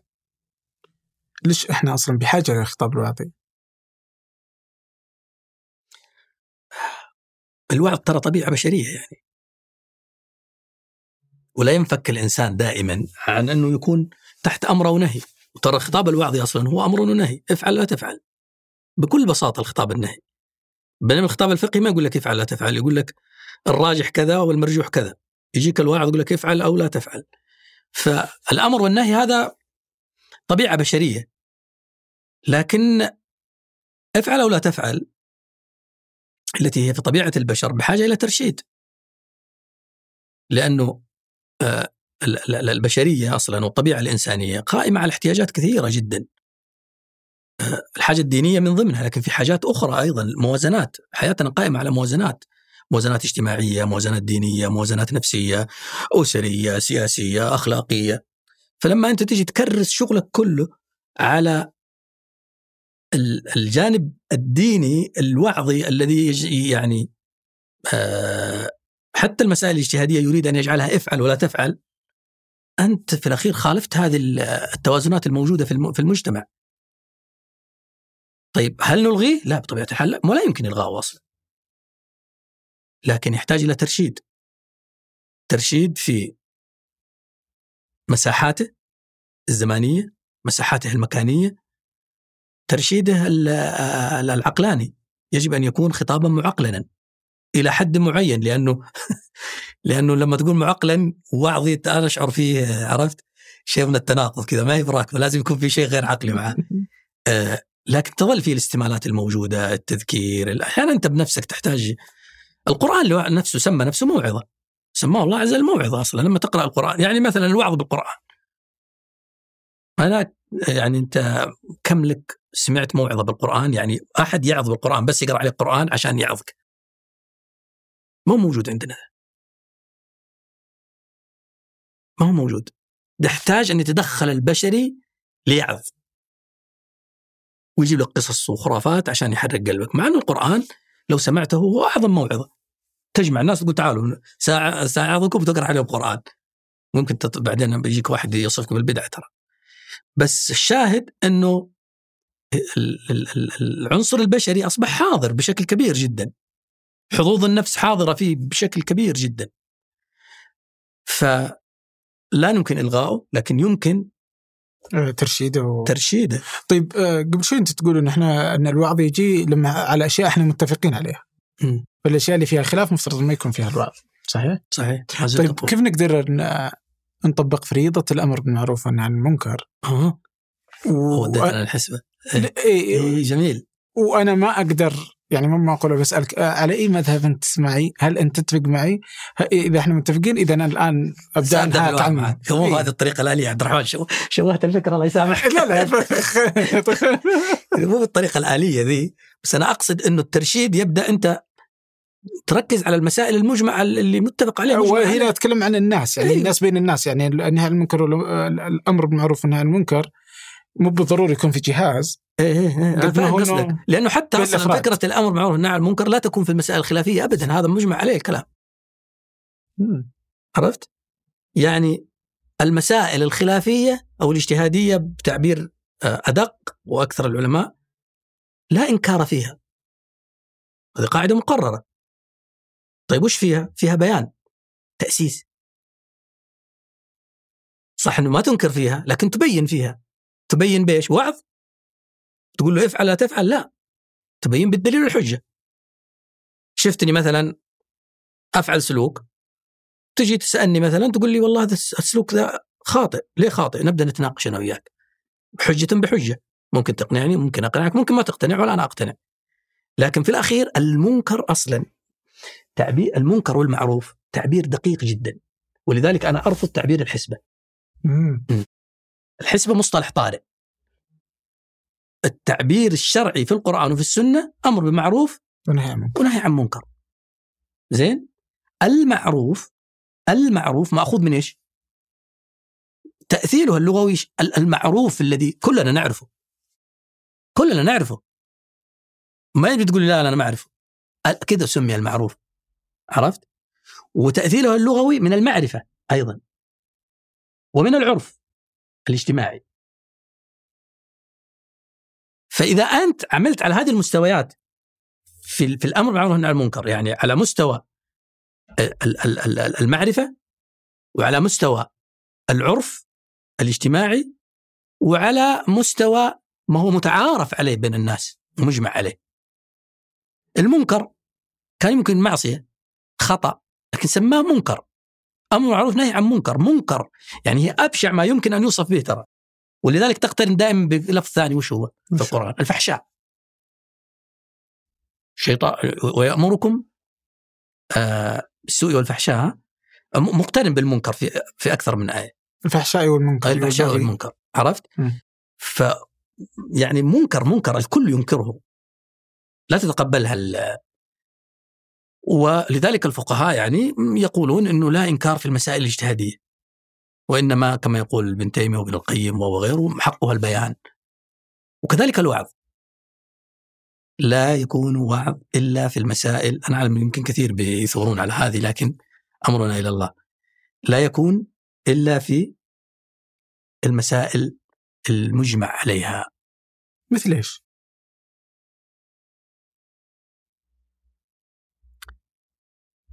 في مسائل محورية ومركزية.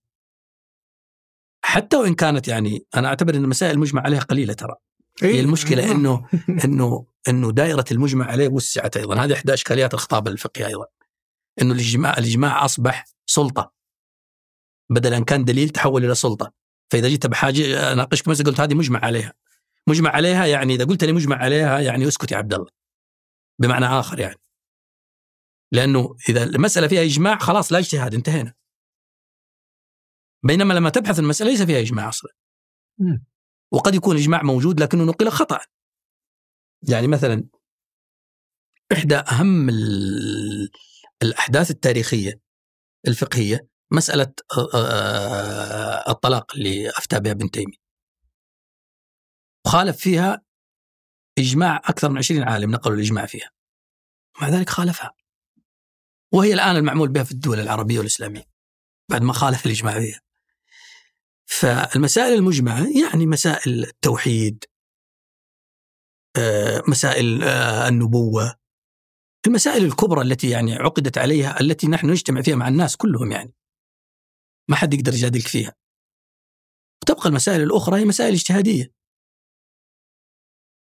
بالطبع الفقهاء لهم كلام كثير جدا ما هي المسائل الخلافية ويقول لك مسائل يسوق فيها الاختلاف ومسائل الخلاف فيها غير سائق وهذه إحدى الإشكاليات أيضا الثانية لما تيجي تناقش تقول هذه مساله خلافية يقول لك لا هذه مسألة الخلاف فيها غير سائق فهمت القصد؟ إيه. ف آه، أنا أعتقد إنه إذا إذا مشينا على هذا النموذج إنه بتقلص دوائر الخلاف وتوسع دوائر الإجماع سنظل في نفس الإشكالية. لكن اللي ينبغي علينا أن نؤمن أنه الاختلاف رحمة. آه رحمة في جوانب كثيرة منه قد يكون في بعض الجوانب آه عذاب لكن في المجمل الخلاف والسعة فينا فينا. لا يمكن أن نخرج منه.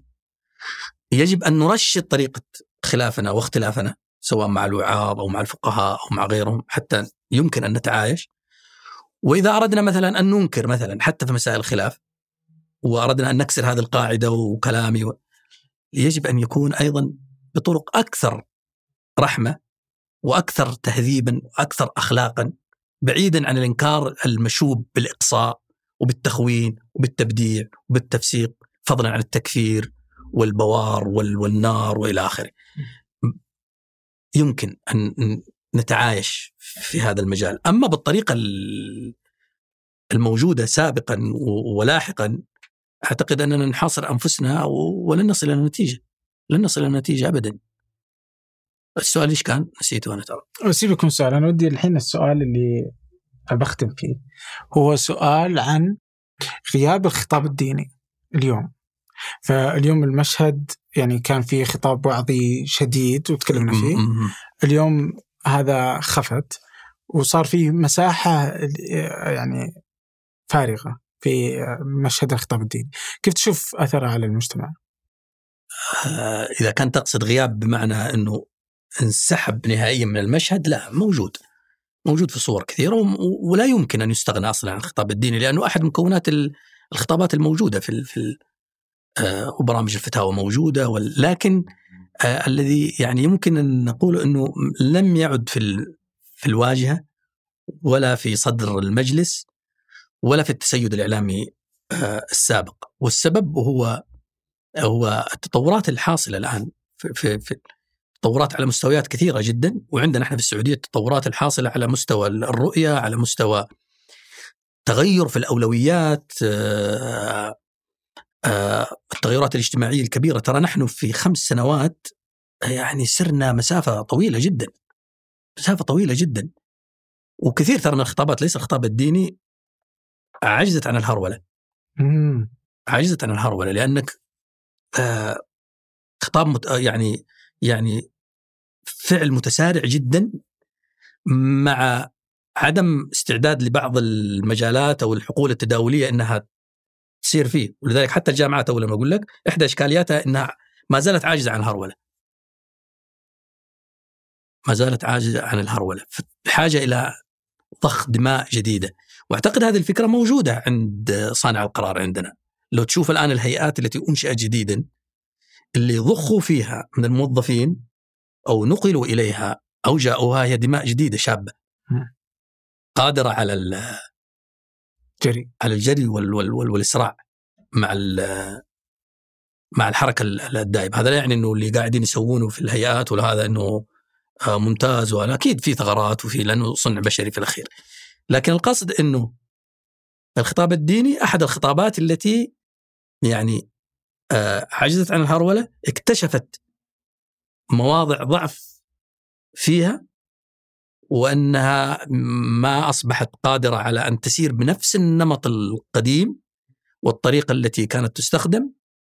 آه، وهناك تضييق عليها في في خطابها التأجيجي والمتطرف الذي أصبح يحد منها والتضييق هذا مصرح به ولن يسمح به يعني آه، خادم الحرمين الشريفين في كلمة له في في مجلس الشورى قبل ثلاث سنوات كان في عبارة مرة مركزية وتداولها الناس بشكل كبير إنه لن نسمح بخطاب متطرف يعيش بيننا ولا بخطاب منحل أو شيء من هذا القبيل يعتقد أن هجومنا على الخطاب المتطرف يعني السماح بالانحلال. عرفت؟ هذه اللافته هي التي قاعد نشتغل عليها في الرؤية وفي في الوضع الحديث جعلت هناك آه، إحجام من من الخطابات هذه اللي تريد أن تتسيد المشهد وأنا الحقيقة ودنا أن يكون الجمهور كله والمجتمع كله يعيش خطاب متسامح، خطاب تعايش، خطاب في جميع الآراء وكل واحد يعبر عن رأيه وعن قناعته بحرية تامة وبأدب تام وبخلق تام. قبلت أهلا وسهلا، ما قبلت برضه أهلا وسهلا. فالحياه تتسع لكل هؤلاء وليس كما قلت في العمر متسع لأن يذهب لشجارات أعتقد أنه أكبر خاسر فيها نحن. وقد خسرنا ما يكفي يعني. ولا أعتقد أنه لدينا الوقت الآن والمتسع من العمر ان نزيد نخسر أكثر وأكثر، ليس على مستوى الخطاب الديني بس حتى على مستوى الخطاب اللي ان صح نسميه ليبرالي معني ما أسميه ليبرالي أو منفتح أو سميه ما شئت. أيضا التشنج الموجود فيه يجب أن أن يقف. وأن يكون لدينا خطاب تعايش، خطاب يقبل بالآخر، يحاور الآخر، آه، يبدي رأيه. مو بشرط أني أقتنع أو أقبل لكن يتقبل الكلام اللي تقوله ومع أني لا أقبله أصلا. وبذلك ممكن أن نسير. هي مثل القافلة يعني إذا قعدنا نتناحر آه، انتهى كل شيء. والعالم من حولك لم يعد يلتفت إلى الوراء. ويضيع ميزانيات ويضيع أعمار وجهود. في حراك لم ينتج أي شيء. آه هذا لا يعني أن المرحلة السابقة كانت كلها حرائق. كان في بدون شك أشياء إيجابية و... وأنتجنا وخرجنا بأشياء. لكن أعتقد إنه كان يمكن أن يكون شيء أفضل مما كان. و... وأيضا ينبغي أن يكون عندنا شيء أفضل مما سيكون. نفكر فيه أكثر. ونفكر ب... بجدية. آه، أعتقد انه الجميع يجب عليه أن يراجع نفسه ماذا استفاد مما سبق من جميع التيارات جميع الأفكار الموجودة. و آه، حقل الأفكار حقل غني جدا. وهذا الحقل ميزته أنه لا ينمو أبدا على الرأي الواحد وعلى الوجه الواحد وعلى الطريقة الواحدة وعلى المذهب الواحد. حقل الأفكار لا ينمو إلا بالتنوع. إلا بالتضاد إلا بالحوار إلا بالنقاش إلا بشيء من الحرية اللي تجعل الجميع يتحرك وينتج أفكار. إحدى أهم مقومات الحضارة الإسلامية هي هذه الفكرة. الحضارة الإسلامية ما أنتجت أفكار رائدة و... إلا لما كان عندها القدرة على أن تتحاور مع اليونان مع الفرس مع الترك ومزجت هذه الثقافات كلها وخرجت بثقافة يعني العصر العباسي والترجمة وال... وانتقلت إلى الأندلس. يعني لما تقرأ بعض الدراسات القديمة اللي تتكلم عن واقع الحضارة الإسلامية كيف كانت هي هذا هو سرها ترى. متى انتكسنا؟ لما دخلنا في فكرة التعصب المذهبي والرأي الواحد وتتخذ هذا الطريق ولا تغير. فهنا أعتقد أننا سنقتل أنفسنا ونئد أجيال قادمة بحاجة إلى أن تعيش في جو أكثر أكثر حياة. شكرا. سلامتك. الله يسلمك. يسلمك يا رب. الله يستر منكم من حلقتك هذه. شكرا لك. شكرا آه، لكم. آه، شكرا لأيمن الحمادي في إعداد الحلقة وتصوير ياسر الغانم والهندسة الصوتية محمد الحسن والتحرير عدي عيسى مساعد في الإنتاج أصيل بافرط. هذا فنجان أحد منتجات شركة ثمانية للنشر والتوزيع. منشر كل الإنتاج بحب من مدينة الرياض. الأسبوع المقبل ألقاكم.